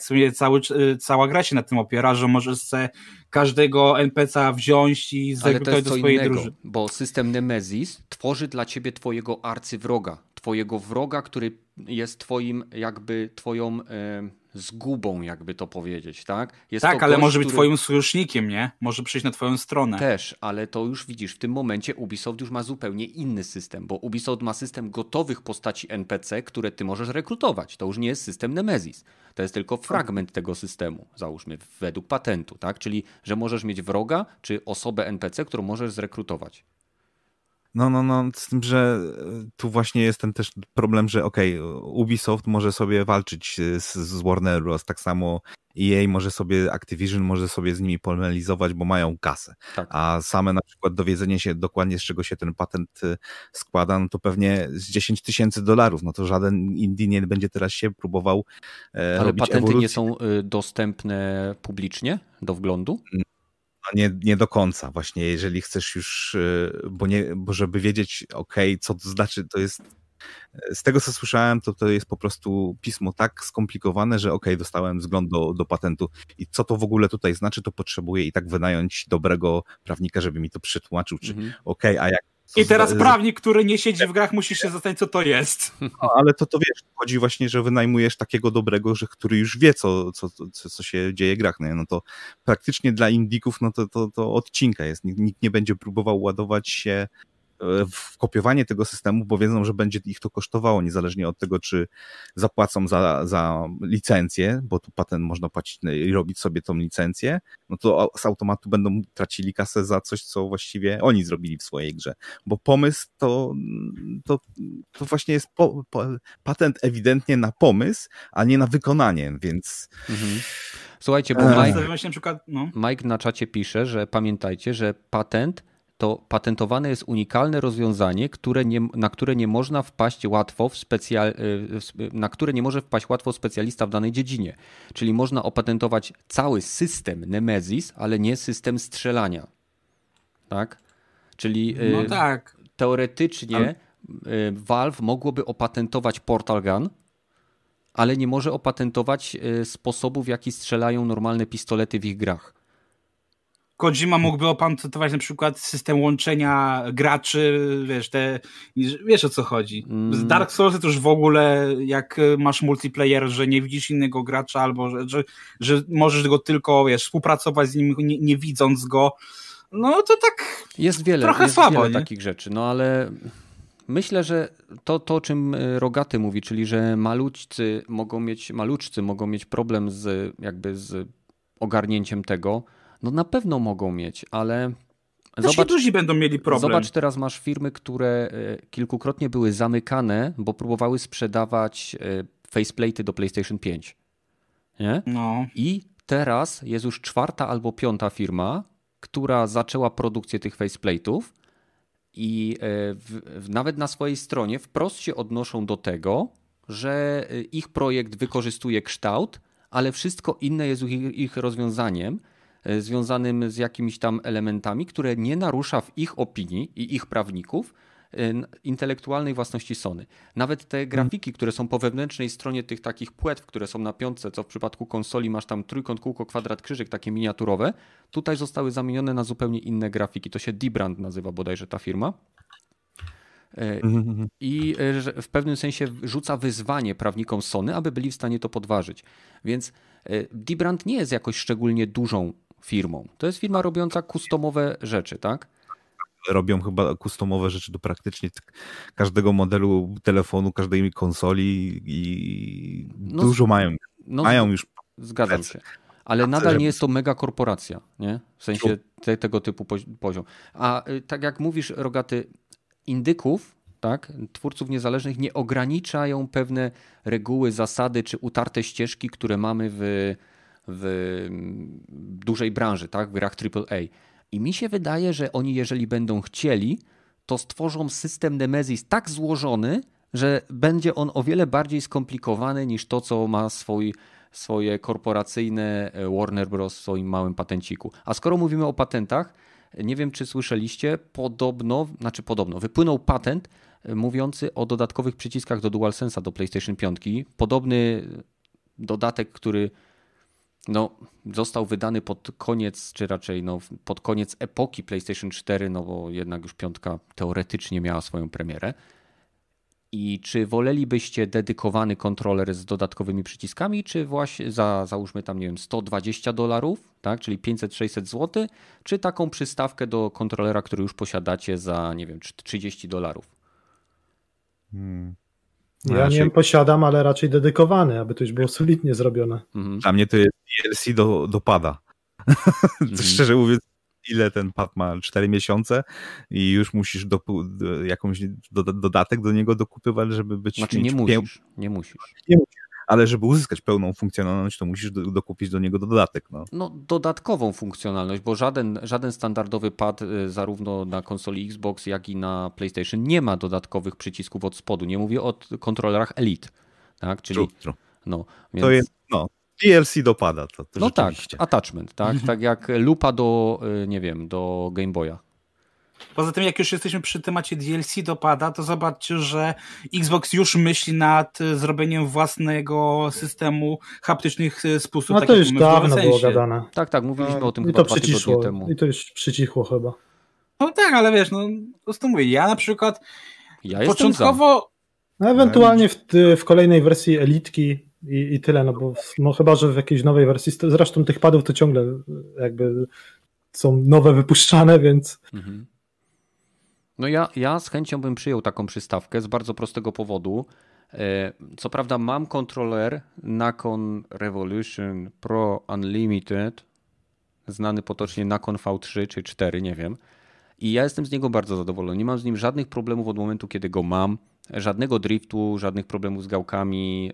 Chociaż wiem, że nawet pod moją recenzją tego pada na kanale ludzie piszą, że mają z nim problemy, więc może ja mam po prostu fuksa ale on niestety nie współpracuje z gierkami na PlayStation 5.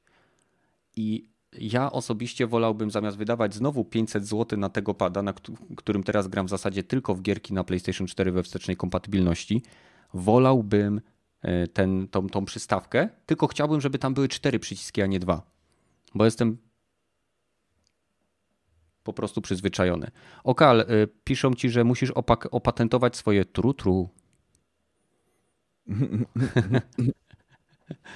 No, jeżeli macie jeszcze jakieś tematy, to yy, wrzucajcie, jeżeli nie, to będziemy powoli zwijać. Ja mam jeszcze jeden. Y, Dajesz. Nie wiem, czy słyszałeś, ale Ubisoft planuje chciałby, przepraszam, chciałby tworzyć więcej gier free to play, chciałby tworzyć więcej gier, które poszłyby na mobilki. No i teraz co myślicie? Czy to jest dobry kierunek dla Ubisoftu? Niech się zgada z Konami. Niech idą razem do łóżka i robią automaty pacinko i gry na komórki. Wek.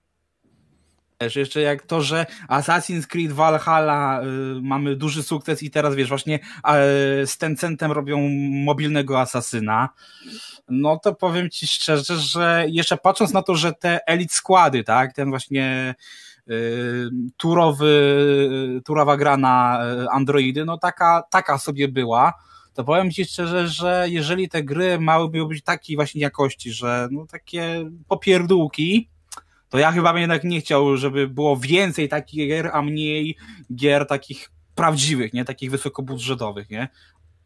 Dla mnie to jest też taki, no nieodpowiedni kierunek moim zdaniem. Co by nie wymyślili, ja osobiście i tak nie zagram, bo po prostu nie, nienawidzę grać na telefonie.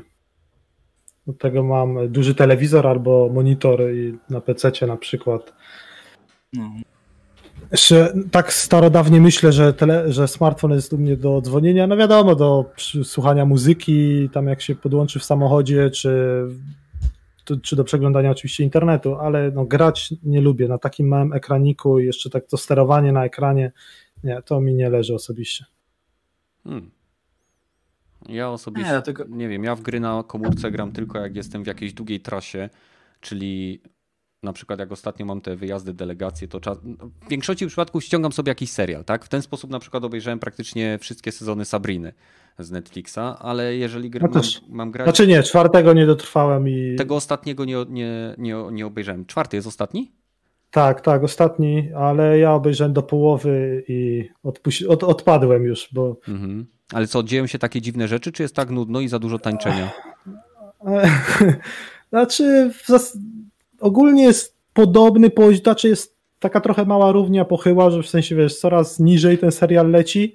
Tak jak na początku podobał mi się naprawdę fajnie, tak trzeci sezon już był zauważalnie gorszy, no to ten czwarty jest jeszcze gorszy, no ale tam są taki, odpadłem na takim perfidnym, y, bardzo feministycznym y, no, wątku, czy jakby to nie nazwać, gdzie no to już e, straciłem jakąkolwiek chęć do oglądania, bo to już, to już nie było jakby część fabuły, tylko wciskanie ci, ci wiesz, na, na siłę mhm. różnych rzeczy, co Netflix lubi sobie wciskać. No to wiesz, Trzeba to albo przetrwać, albo przestać oglądać. No nie ma innej opcji. E, dobra, słuchajcie, nie będziemy zbytnio przeciągać, bo już ponad dwie godziny nadajemy. Dajmy też ludziom się przespać, bo w poniedziałek będą szli do pracy. E, jeżeli chcecie z nami porozmawiać, to zapraszam Was na nasz Discord. Zapraszam Was też na kanały Gragiego i Raptora. Zaraz wstawię tutaj linki poniżej, więc proszę bardzo, oto są te linki. Co prawda w jednym ciągu, ale działają, więc klikajcie śmiało, subskrybujcie, dawajcie łapki. E, na naszym Discordzie znajdziecie już tego, co mi chłopaki mówią, ponad 500 osób. Chyba, że mnie ktoś źle poprawił. Więc zachęcam Was. Wpadnijcie do działu pomysły na Dropin, gdzie możecie wrzucać e, pomysły na właśnie kolejny odcinek naszego podcastu. A jeżeli chcielibyście porozmawiać z kimkolwiek, to macie naprawdę dużo kanałów na Generalu oraz w geekgamer.pl znajdziecie pokoiki wielu twórców, takich jak gigretro.pr, Glitch, Gralingrad, Japspam, Spowiedzi u Herektyka, e, Padlock Podcast, Push Start Podcast, Trigger Podcast i podcast giereczkowy. Tam możecie porozmawiać z ich autorami, to są ich, e, że tak powiem, autonomiczne strefy i tam możecie wejść z nimi w interakcję. Więc z naszej strony to będzie już wszystko.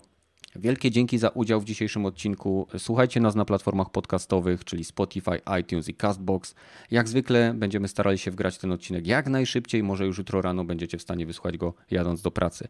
Więc z naszej... Badel, chciał, Badel chciał na już. Badel chciał na już. No to Badel będzie pewnie e, we Wrocławiu, pisze, napisał mi, że siedzi we Wrocławiu, że jest to bardzo nudne miasto i że coś do roboty chce. Nie ma sprawy, zaraz mu podeślemy ten podcast, niech zrobi timestampy. Więc e, z naszej strony słuchajcie, to już wszystko. E, udanego tygodnia, więcej słońca, dużo ciepła i do usłyszenia, zobaczenia we wtorek. Słuchajcie, właśnie, we wtorek będzie kolejny materiał o PlayStation 5. Tam głosowaliście u mnie na kanale odnośnie tego, o czym ma być, więc będzie o tym, ile kurzu zebrało się w mojej konsoli po dwóch miesiącach. Więc zapraszam gorąco, a z naszej strony to już wszystko. Cześć. Trzymajcie się. Dzięki. Pa, pa.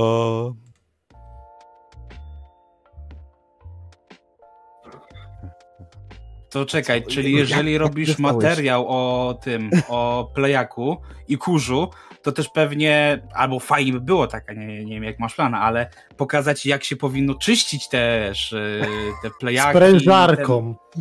Ten, wiesz, ja jestem tutaj ciekaw, nie, że, czy wiesz, Okay. Ja starego peceta czyściłem przed sprzedażą z sprężarką, taką naprawdę solidną, butla 100 litrów. 6 I... barów, jedziemy. Komponenty nie, nie odpadły od Wszystko dobrze było przymocowane, to nie żaden marketowy składak, więc było wszystko ok.